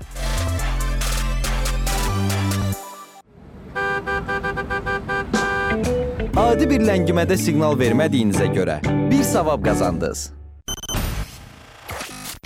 012 404 1122. Avtostopdasınız. Zəng eləyin. 050 730 2010. WhatsApp-dan səsli mesajlarınızı gözləyirik. Avtostopda efirdə mənim adım Turaldı, İctimai Radio 90 FM-i dinləyirsiniz. Yol hərəkəti ilə bağlı ürəyiniz hardan istəyir sual verin, mən sizin sualınıza cavab verəcəm və deyin görək Yollarımızda nələrə təəccüblənmirsiniz? Pərviz Sadıqov telefon xəttindədir. Pərviz bəy, salam əleykum. Necəsiz Pərviz? Sağ olun, yaxşı olasınız. İşləriniz necədir? Şükür, yavaş-yavaş. Pərviz son vaxtlar nə oxuyursunuz, nə dinləyirsiniz? Ə, sözün düzü vaxtım yoxdur ümumiyyətlə. Niyə? Uzun müddətdir. Niyə? Nə bilim, vaxt olmur, maşında da biraz alınmır qulaq asmaq. Ə, çox üzr istəyirəm. Yəni işiniz maşınla deyil? Maşınlandır. Yəni Hə, e, qulaq asdı. belə deyək də e, alınmır da. Niyə bir, bir qulaqlığa qoyursan bir qulağa, əgər müştərini də eşitmək lazımdırsa sənin üçün, qulaqlığa qoyursan bir qulağında. Qulaq asası geyirsən də. Hə, qulaqlıqla olar. Amma fikri, nə bilim, bütün gün yoldasan, yenə o fikrin yayına bilər, nə bilim, fikrə gedə bilərsən. Hə, onsuz da şey nəsə müştəri ilə bütün e, e, Ha, dünya siyasətindən tutmuş hər şeyi danışırsınız. Nə, orada fikrin yayınmır. Kitaba qulaq asanda fikrin O barədə çox belə danışan adam deyiləm. Yəni, biraz baş. Hə, yaxşı, dünya dü, dünya siyasətini e, e, siz öz avtomobilinizdə idarə eləmirsiniz. Bəli, Həll elə. Hə, orada həll eləmirsiniz dünya siyasət. Var elə Məsafə saxlayıram. elə adamlar var məsələn şeylər. Bütün prob dünyanın problemi taksinin içində həll olunur, dərhal düşürsən orada. Bilirsən ki, dünyada artıq problem yoxdur. Yəni e, masonlardan tutmuş, yəni hər bir məlumatlar taksi sürücülərində bilirsən. Yəni Özdə söhbət belə, flankə zəng elədi blankəzə. Dedi ki, elə bir yanında idi da o zəng eləyəndə. yəni çox belə maraqlı. Düz deyə bəzən e, biraz da e, dərdləşmək kimi olur. Yəni bəzən deyirik insan nə kiməsə danışmalıdır və ya hər zaman nə deyirlər? Deyirlər yuxu get suya danış. A, suya danışmaq o demək deyil ki, nəyisə qarşısını alırsan. Bu deməkdir ki, sən həyəcan, nəyisə danışanda boşalırsan və o səndə qalmır da, neqativ səndə qalmır. Bu cür belə bəsit dildə, loru dilində desək, bir tərəfdən yaxşıdır. Söhbət edirsən, biraz ə, boşalırsan çünki nə qədər özündə qapalı ola bilərsən ki. Yük, yük, yükü biraz atırsan üstündən. Hə, yəni bu belə deyə də ə, al və verdi də. Nəyisə almaq üçün gərək mütləq nəyisə də verəsən. Fikir mübadiləsi edirsən, amma bu ə, bəzən bu ə, sərhədləri Sözünü ki keçirən bağlı. Aha. Bəzən müştərini çox yükləyirlər. Yəni lazımsız söhbətlər də olur. Hə, də sərhədi keçmək olur da. Yəni əgər qarşı tərəf sizə cavab vermirsə və adekvat cavab vermirsə və ya ümumiyyətlə danışmağa meylli deyilsə, məsələn qulağında qulaqlıq varsa da diqqət eləyəndə görmək olur da.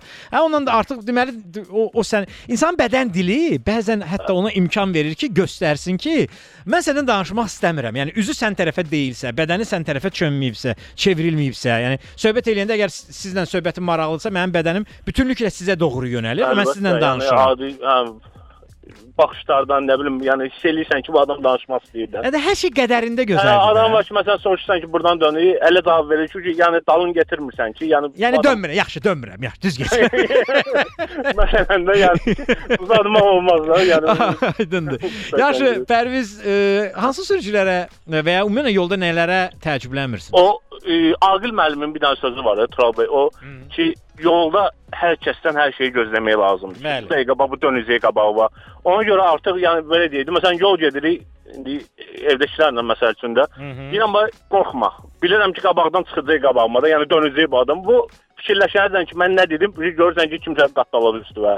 Yəni yəni həm də o qədər ki, yoldayıq, yəni çox sürürük də belə gün ərzində. Hər şeyə hazır- Vərdiş eləmişəm. Hər şeyə hazırsan ki, yəni bu dəqiqə nəsə olacaq, bu dəqiqə bu qattalayacaq. Yəni Ümumiyyətlə düzdür, elə avtomatlaşdıranda, məsələn- aha. Məsələn, yanında oturan adam üçün məsələn ki, hələ bilir ki, sən hazır görsən buna, məsələn, qorxa bilərdi. Amma mən gözləyirəm ki, bu dönəcək, yəni a- a- o ətalət şey var deyə sizdə. Nəzarət olunan ətalət. Nəzarət olunan, bəli, bəli, həmişə. Yəni hər şeyə hazırıq, Allah şükür ki, yəni uzun illərdir ki, qəza törətmirəm, heç, yəni cərmən də yox. E, heç də olmasın, amma e, bir şeyi avtomatlaşdıranda, proqramlaşdıranda ki, səndə hər kəsdən və hər şeydən təhlükə ola bilər. Bu zaman sən onu bir neçə dəfə eləyəndən sonra bədən ona öyrəşir. Artıq onda sən heç, e, bəzən beyin sənin yerə qərar verir ha. Yəni Bəli, ki, bəli. bax bax, burada səndə təhlükə yarana bilər. Maşınların əlamətindən, məsələn, dönmə işığını yandırmadan bir iki manevr eləyəndə sən başa düşürsən ki, hə, bu adam təhlükəlidir. Sənin qabağına çıxa bilər və ya maşının o ə, əzik və şpatlyovkalı olan yerindən və təmir eləmədiyi yerindən tutursan ki, bu təmir eləmirsə, deməli bu itirəcək bir şey yoxdur. Bir dənə də vuraq, onsuz təmir eləməmişəm. Yəni o o tipli yanaşan sürücülər də var və ya mən- Yəni, ya, yan güzgüsünü, yan güzgüsünü nizamlanmayan sürücü gördümsə, mən ondan uzaq dururam. Amma bu güzgüsünü səhv nizamlayıbsa, deməli məni görmür. Məni görmürsə, bundan hər şey çıxar. nizamlanmaq o yana. Bu bir hardasa bir, bir ay yarımı söhbətidir. Yəni bu azadlıqla üzə aşağı düşürəm. Bakınovdan dönmüşəm. Deməli bir sürücü gedir. İki güzgüsü də qatdalanıb üz aşağı. Zolaqda da oynayır da. Nə solundan keçən siqnal verir buna. Mən siqnal verirəm. Axır vermişəm sağına ki, qardaş, nə edirsən? Hə. Pəncərə azab nə var ha belə. Deyirəm amma bir güclü var. Görək keçə bilirik sən keçə. Nəsə nə var? Hara gedirsən sən? Yəni gör bu adam yəni heç Heç nə bir fikir xəbəri vermir yox ha. ki, güzgülər bağlıdır. Deməli baxmır da bu adam. Baxmır, hə. Yəni, güzgüyə üzünü qırxandan qırxana baxır. Yaxşı, ə, Pərviz Ha. buyurun, ə, deyəcəyiniz var Sonra bir deyəsən. sualım var idi sizə. Mən e, səhv eləmirəmsə sizin sizdən eşitmişdim bunu. Bu piyada keçidi ilə bağlı 52-ci maddə. hı. O 5 metr məsafə. O 5 metr məsafə piyada keçidinə qədərdir də mən bilirəm. Keçidinə qədərdir. Keçidindən sonra Bəli. aidiyyatı yoxdur. Çünki Mən keçidinə bu- qədər ona görədir ki, qabağından adam keçəndə təhlükə yaratsın. Bilirəm, bilirəm. Hə, hə. Həmin istiqamətdə hərəkət olan avtomobil, yəni piyadanı görə bilsin. Amma məsələn tək zolaqlı yollarda həm keçidinə qədərdir, həm keçidindən sonra çünki qarşıdan gələn avtomobil görə bilsin. Səhv eləmirəmsə belədir yəni. Bəli, bəli, bəli. Amma bəli. mən bunu Tural bəy nə şəhər qayısına, nə yasamal qayısına mən bunu sübut elə bir ayda sübuta yetirə bilmədim. Hələ deyir ki 52-ci maddə deyir. Deyirəm onda desin ki 10 metr radiusda da, Hə. 5 metr sonra 10 metr Hı hı. bir metr yarım piyada keçirilir. Sonra da 5 metr. hı. 11 metr yarım radiusda olsun da. Qardaş, nə qədər şikayət də elədim. Ora bura indi məktub göndəriblər 31 gündən sonra o dəfə pul da hesablanır. Fariz İsmailov xidmət üzrə rəis müavini yasamala göndəriblər, yasamal yazmışdı. Ha, ki bəs araşdırma aparıldıq. Voşun e, 52-ci maddənin tələbini pozmusunuz. Piyada keçidinə 5 metr yaxınlıqda saxlamısınız. Deyirəm ay qardaş, mən metr yarım sonra saxlamışam. Bunu mən bunları izah eləyə bilmərəm. Getmişəm. Deməli özü qanun nə deyir? Piyada keçidlərində və onlara 5 metrdən az yaxınlığında. Bəli, yəni bəli. 5 metrdən yaxınlığında nədir? Yəni ona qədərdir də. Keçidi keçəndən sonra o deyir axı. Deyir yox sən deyirəm ay qardaş şəkillə də yəni mən yol ayrıcından da 9 metr sonra saxlamışam. Yəni ki deyim yenə yol ayrıcına yaxın sa- sayırsızsa o ayrı məsələ. Deyir yox piyada keçidin deyir. Bax 52-ci maddə deyir ki 5 metr yaxınlıqda. Deyirəm onda yazsın 11 metr radiusda da. Deyirəm avtobus dayanacağına 15 metr məsafədə də saxlamaq qadağandır. Aha. Onda 15 metr avtobus dayanacağından 3 metr belə 15 metr də sonra. Hə. Bu eləyir q- 45 metr, e, 33 metr yol eləyir. Onda deyirəm ki, harda heç maşın saxlamağa yer olmaz ki. Hadi. Tamam. Yəni bu nə nə ağılla, nə məntiqlə bunlar Yəni inan mən sübut eləyə bilmədim bunlara. Qoz standartı açıram, nə bilim indi bizdə şeydir. Və Rustankın gətirirəm ki, bəs belə belə də qanun bunu izah edir. Bu Azərbaycan deyir. 52-ci maddə yazıb 5 metr məsəl. Deyirəm ay insanlar, ay yəni adamı hövsələdən çıxardılar. Deyirəm mən piyada keçidinə qədərdən söhbət gedir. də. Deyir orada yazıb ki, piyada keçidinə 5 metr Az yaxınlığında, az yaxınlığında. Yəni Yəni axı orada hərəkət istiqamətindən söhbət gedir. Mən bunu sübut eləyə bilmədim. Vallahi Yəni bilmirəm. piyada keçidindən sonra saxlamağın ümumiyyətlə e, piyadaya və ya digər gələn nəqliyyat vasitələrinin heç bir Heç şeyi yoxdur. aidiyyatı yoxdur. Bəli, bəli. Bu yəni sırf ona görədir ki, həmin istiqamətdə hərəkət edən avtomobil piyadanı görə bilsin. Hə, vəssalam. Yəni bu ümumi məntiqi ondan ibarətdir. Yəni mən indi bilmirəm bunlarla nə edeyim. Yəni Məhkəməyə verin də. Yəni 20 manata görə Trolbey ki, məhkəməyə girmək. Yəni bu birinci hal deyil də. Yəni bu Yəni o birinci hal olmadığına eşidir. görə məncə məhkəməyə müraciət etmək lazımdır ki, məhkəmə qaydasında ləğv olunsun. Yəni bu nəzarət eləsinlər, bir tapş göstəriş versinlər bunlara ki, ay qardaş, orada bundan söhbət getmir. Belə-belədir. Yəni son zamanlar bir yaydan bu yana da Tural bəy ümumiyyətlə yəni bilmirəm nə məsələdir bu Hı -hı. e, qay e, belə deyək də yol polisi sistemində də Hı -hı. e, ümumiyyətlə yəni çox belə başım buraxıblar. Aydın. Təşəkkür Yəni, edirəm. Sağ olun Tural bəy, sağ olun. Çox sağ olun, minnətdaram. Çox sağ olun zənginizə görə. Sağ Təşəkkür olun, edirəm. sağ Sağ olun. Avtostop davam edir.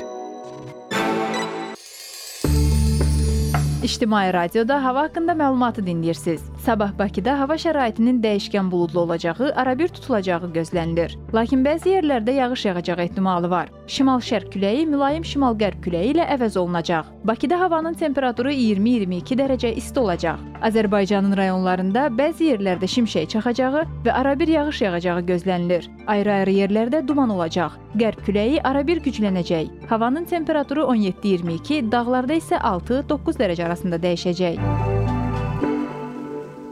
Özdə ən maraqlı məsələ ondan ibarətdir ki, şəhərdə dayanma durma qaydalarını pozanların ə, bir çoxları belə ə, qanuna hörmət yüngül desək, qanuna hörmət ə, etməyəcək səviyyədə pozurlar da. Yəni ə, çox üzlü səviyyədə pozurlar. 3-cü sırada saxlamaqla, məsələn Şərifzadədə piyada keçidinin tam üstündə saxlayanlar var.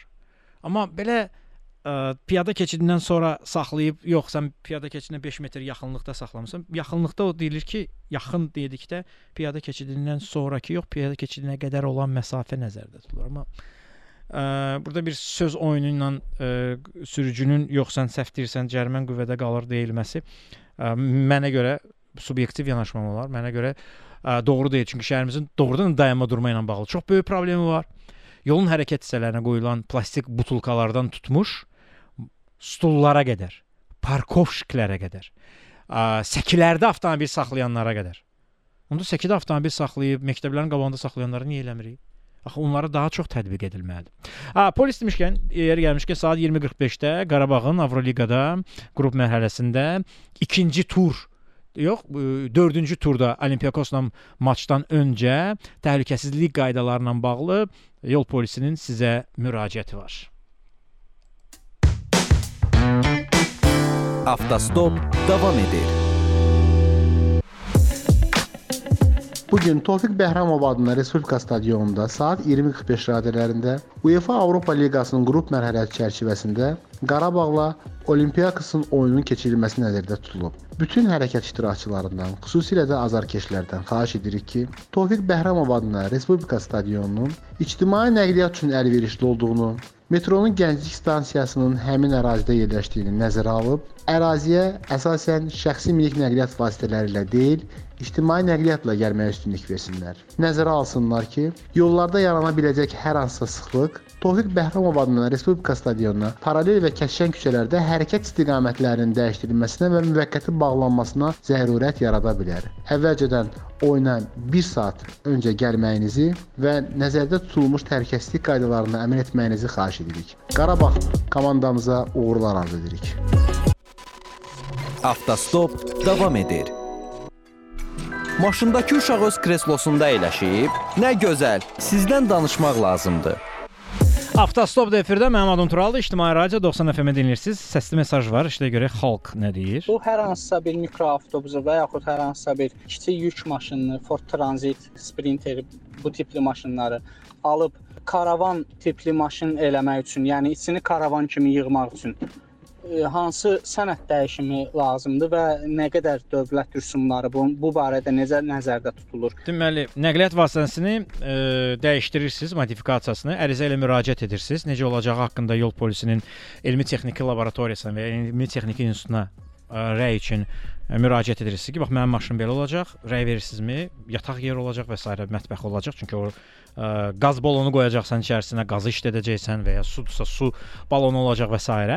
Əgər belə şeylər olacaqsa, müraciət edirsən, ə, baxırlar, rəy verirlər ki, hə, sən avtomobili dəyişə bilərsən. Gedirsən içərisini yenidən yığırsan. Yenidən yığandan sonra maşın yenidən texniki baxışdan keçir. 30 manat texniki bağışdır. 30 manat qeydiyyat şahidətnaməsi çünki maşının texniki ə, parametrlərində dəyişiklik var. Artıq sərnişinin ə, orada və ya yükün orada daşıma forması dəyişdirilir. Ə, 30 manat qeydiyyat şahidətnaməsi, 30 manat dövlət ə, 20 manat da dövlət ə, qeydiyyatına görə rüsum edəcəksən. 60, 90, 60 o da 20 eləyir 80 manat. Yəni 80 manat xərcin çıxacaq. Əsas məsələ o rəyi almaqdır. Telefon xəttində dinləyicimiz var. Rüfər telefon xəttindədir. Rüfər yoxsa Rüfət? Rüfət. Rüfət. Bəli, bəli. Hə, Rüfət. E, Rüfət. Rüfətin Rüfət. hə, yaxşı. Yaxşı Rüfət, e, deyin görək, e, son vaxtlar nə oxuyursunuz, nə dinləyirsiniz? Son vaxtlar e, kitab Bakı kitab sərgisi təşkil olunmuşdu. Səhvləmsə əl, əl idman oyunları, əl idman Hə, əl oyunları sarayında. Oradan üç kitab aldım. Bir İlber Ortaylı'nın e, Bir Hayat Nasıl Yaşanır kitabını almışdım. Onu Oxumuşam. Onu hələ ki oxuyuram, yoxsa təzə başlamışam. Sonra Karl Sagan kitabı vardı bir iki dənə, onu hələ başlamamışam. Ə, İblislər dünyasında Yox, e, mavi nöqtə. mavi nöqtə, hə. Bu bu kosmosla Mavi bağlı nöqtə. məşhur olan Carl Sagandan söhbət gedir. Hə, Aha. həmçinin mənə maraqlı gəlib ki, ümumiyyətlə dünya haqqında məlumatlar mənə maraqlı gəlib o ona görə. Aha. Bilirsiniz də o e, kosmoloji e, kan, ka, e, kas, kosmosla bağlı konspiroloji e, rəylər verən və ya o dün, e, o biri tərəfdən gəlib bizi aparırlar, nə bilim nə ilə, onların tamamilə miflərini darmadağın edən bir şəxs. Yəni elmə əsaslanan fikirləri ilə müxtəlif film və e, yeri gəlmişkən e, seriallar üçün də ssenarilər yazıb Carl Sagan. Üçüncü kitab nə idi? E, o birisi kitab hmm, adı hansı yanında evdə yazdım. Kitab evdə. Adını tanımışam. Bəli. E. üzr istəyirəm. E, onun bir kitabı vardı. E, İblislər elmiş e, iblislərlə dolu ne el, elmiş o Carl Sagan'da. Hə, o Carl Sagan kitabıdır, hə. Bir ləhzə orada rast gəldim. Orada deyir ki, insan o o fikirləri halüsinasiyalardır da. Bir ya gördüyü yuxulardır. Nisbətən vaxt keçdikcə onu həqiqət kimi qəbul edir. Bəli. Yəni halüsinasiyalardır. Bəli, bəli. Bununla bağlı HBO kanalının da ayrıca bir sənədli filmi var idi. E, uçan naməlum obyektləri gördüyünü iddia edən adamlarla müsahibələr, sonra həmin obyektlərin e, güya ki video görüntüləri, daha sonra analiz olunanda məlum olur ki, məsələn tutaq ki, həmin vaxtda orada hansı bir e, göydə hansı bir e, proseslər gedir. Yəni astrofiziklər bunu daha yaxşı izah edirlər.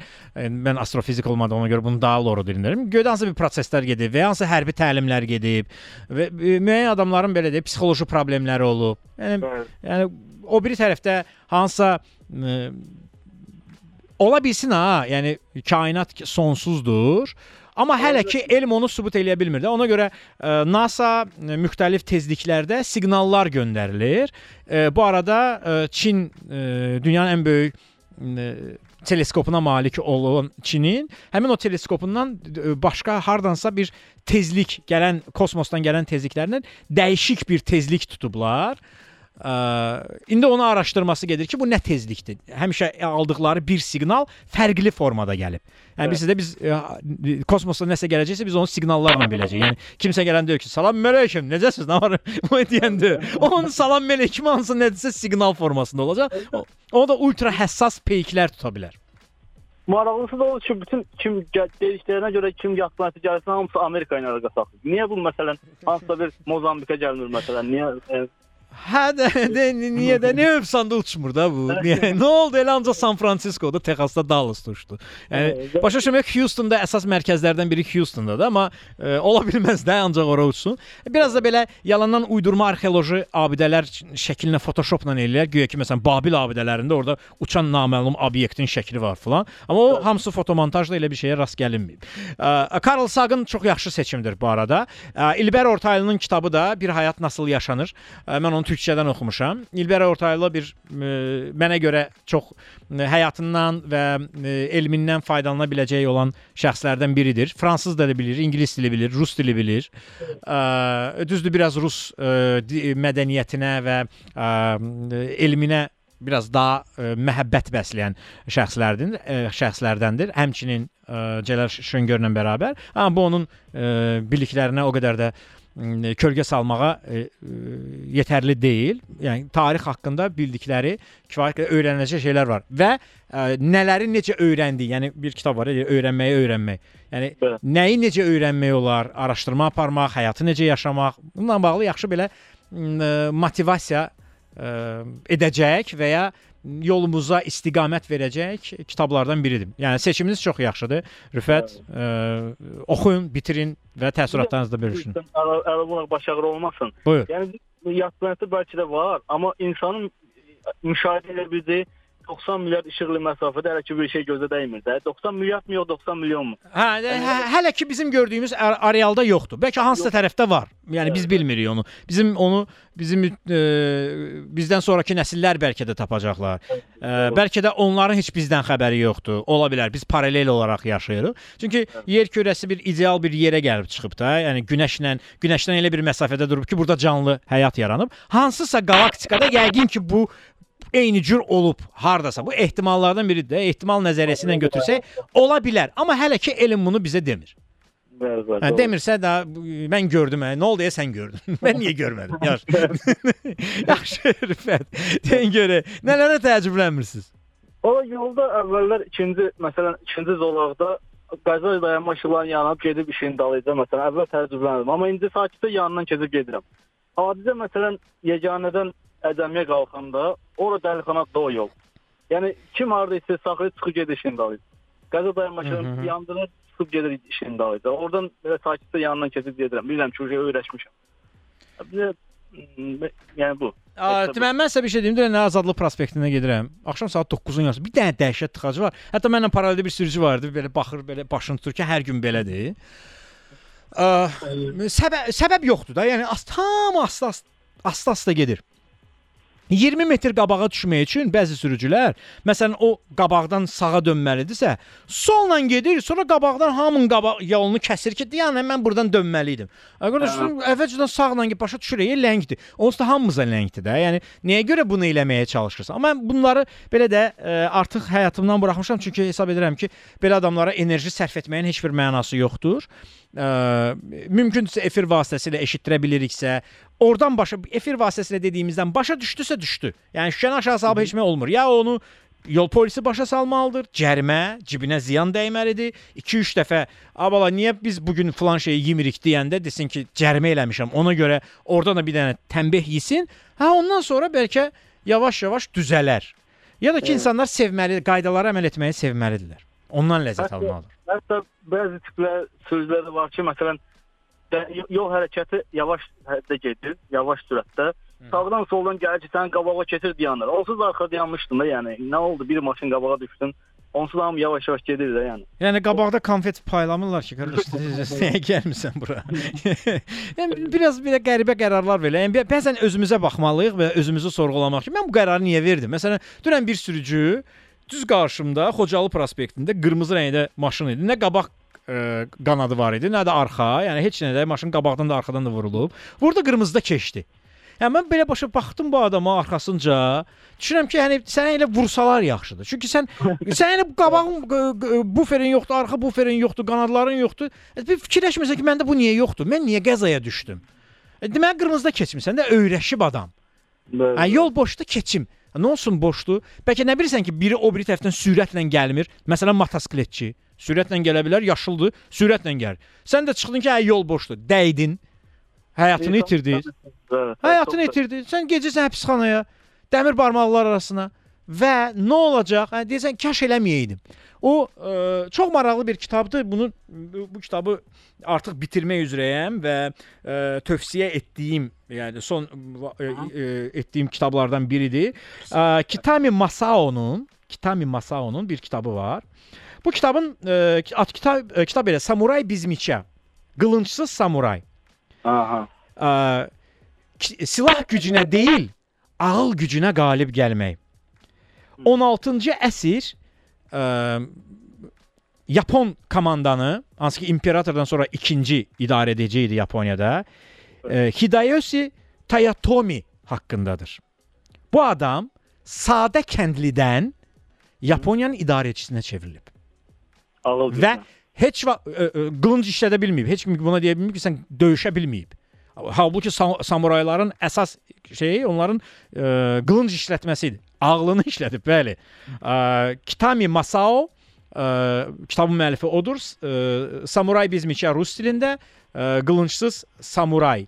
Ə, bax bu cür ə, tərcümə etsək, silah gücünə deyil, ağıl gücünə qalib gəlmək Hideyoshi Toyotomi adlanırdı və ona yeri gəlmişkən ə, meymun komandan da deyirdilər. Çünki xarici görkəmi o qədər də gö ə, cəlb edici deyildi və bunu da qəbul edirdi. Və qəbul edir. Çox maraqlı bir kitabdır. Demək olar ki, bu gün yolda bitirəcəm. Tıxa- Tıxaclarla asta-asta getməklə yolda bitirəcəm o kitabı. Tural bəy, sizə bir şey deyim. Siz həmişə deyirsiniz ki, siqnaldan məsələn savaşdığınızda istifadə eləmirəm. Eləmirəm, hə. Dostum, məsələn, Dostum mən bərdən olur ki, həmin adam yaxşılığına. Məsələn, bir dəfə bir şey oldu. E, yanacaqda olduğum məntəqəsindən çıxanda güzgüyə baxmırdı, mən də yolla gəldim. E, Siqnal verdim, sonra gördü, üzr istədi. Yəni mən ona siqnal verib verməyib özümü qorusam, sabah o onsuz da kiməsə vuracaqdı. Yəni amma versəm o deyəcək ki, gələn dəfə deyəcək ki, Əşi sənə dəyməsin. Yəni sənə dəyməsin. O özü kimi birinə dəyəcək. Bu əmin ola bilərsən. Artıq yəni biraz diqqətli olanda, məsələn o e, nəyə görə deyim, ağlı işlədəndə sən başa düşürsən ki, siqnal həmin vaxtı vacib deyil. Əyləc vacibdir. Bəzi o qəzalara baxıram, görürəm ki, adam məsələn məni dünənləri göndəriblər mənə bir qəza. Deməli bir maşın sol zolaqdan gedir, o bir maşın sağdan gəlir. Deməli bu sağdan gəlir, hiss olunur ki, artıq 50 metrdən hiss olunur ki, "A, bu gəlir, dəyəcək sənə.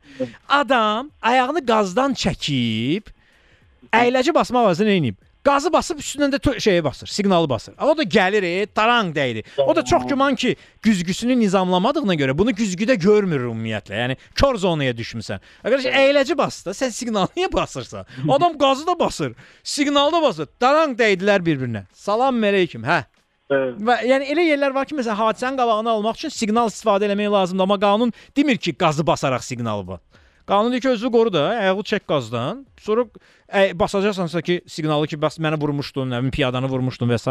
Hə bunu edə bilərsən piyadanı ayıltmaq üçün, hadisənin qarşısını almaq üçün. Ümumilikdə əyləc bu məsələdə ə, böyük rol oynayır. Nəzarət olunan ətalət sistemi ilə gedəndə isə heç qəfil əyləcləmədən istifadə eləmirsən. Yəni sağda maşın, solda maşın, qaz basıb vurmağın ehtiyacı yoxdur. Ayağını qazdan çəkirsən, ayağını əyləcdə, bilirsən ki, kimsə manevr eləyə bilər. Hə yoxdursa əyləc qazı basın, yoluna davam elədim. Təşəkkür edirəm çox sağ olun zənginizə görə. Minnətdaram. Minnətdaram, maraqlı oldu sizlə Rüfət danışmaq. Təşəkkürlər. Gələn səsli mesajlar var, işlə görə xalq nə deyir? Avqust ayının 6-sında maşını vurublar. İndi dövlət yol polisinin əməkdaşları o vaxt mənə dedi ki, getməlisən sən narkoloji dispanserdən arayış almalısan, içki ilə bağlı arayış almalısan, bir də ki, maşının sazlığı ilə bağlı servisdən arayış almalısan. Bilmək istəyirəm görüm bu qanunvericilikdə var ümumiyyətcə bunların hamısı ki, hansı ki vurmamışam amma maşını vurublar. Amma mən də qeyb almalıyam bunların hamısını. Ümumiyyətlə maşın sazlığı haqqında servisdən arayış nəyə lazımdır ki? Maşın sazdır. Necə yəni sazdır? Yəni ə, qəza olandan sonra onun saz olub olmadığını necə biləcəyik? Bu sizin işinizdir. Amma sizin içkili olmağınızla bağlı şübhə varsa sizi ə, yoxlanışa göndərə bilərlər. Bakı-Sumqayıt yolundan Masazır dairəsinə düşəndə sağa dönüb Əlağa Vahid küçəsinə girən kimi sağ tərəfə yuxarıya bir dənə Qaçaq Nəbi küçəsinə bir yol qalxır. Deməli bu yol bir tərəfli yoldur müəyyən bir yerə qədər. Yolun yarısına qədər. Amma burada fəaliyyət göstərən taksi sürücüləri buna əhəmiyyət vermirlər. Həmin o bir tərəfli olan yola girib bizim yolumuza çıxırlar. Burada da möhkəm, yəni çox böyük tıxac yaranır. Bu tıxac Masazır dairəsində təsir eləyir, oranı da bağlayır. İndi xahiş edirəm yol polis əməkdaşlarından əvvəl burada dayanırdılar, cərimələri yazırdılar həmin sürücülərə barədə, protokol tərtib edirdilər. Amma uzun bir müddətdir buna fikir verən yoxdur. Təşəkkür edirəm, səsiniz eşidildi. Bu gün də bizimlə birgə qaydalara əməl etdiyinizə görə təşəkkür edirik. Sabah yenə də eyni həvəslə efirdəyik. Özünüzdən müğayət olun, yollarda ehtiyatlı olun. Qarabağ isə saat 20:45-də Avroliqada Olimpiakosla maçda uğurlar. Görüşərik, qismət olsa.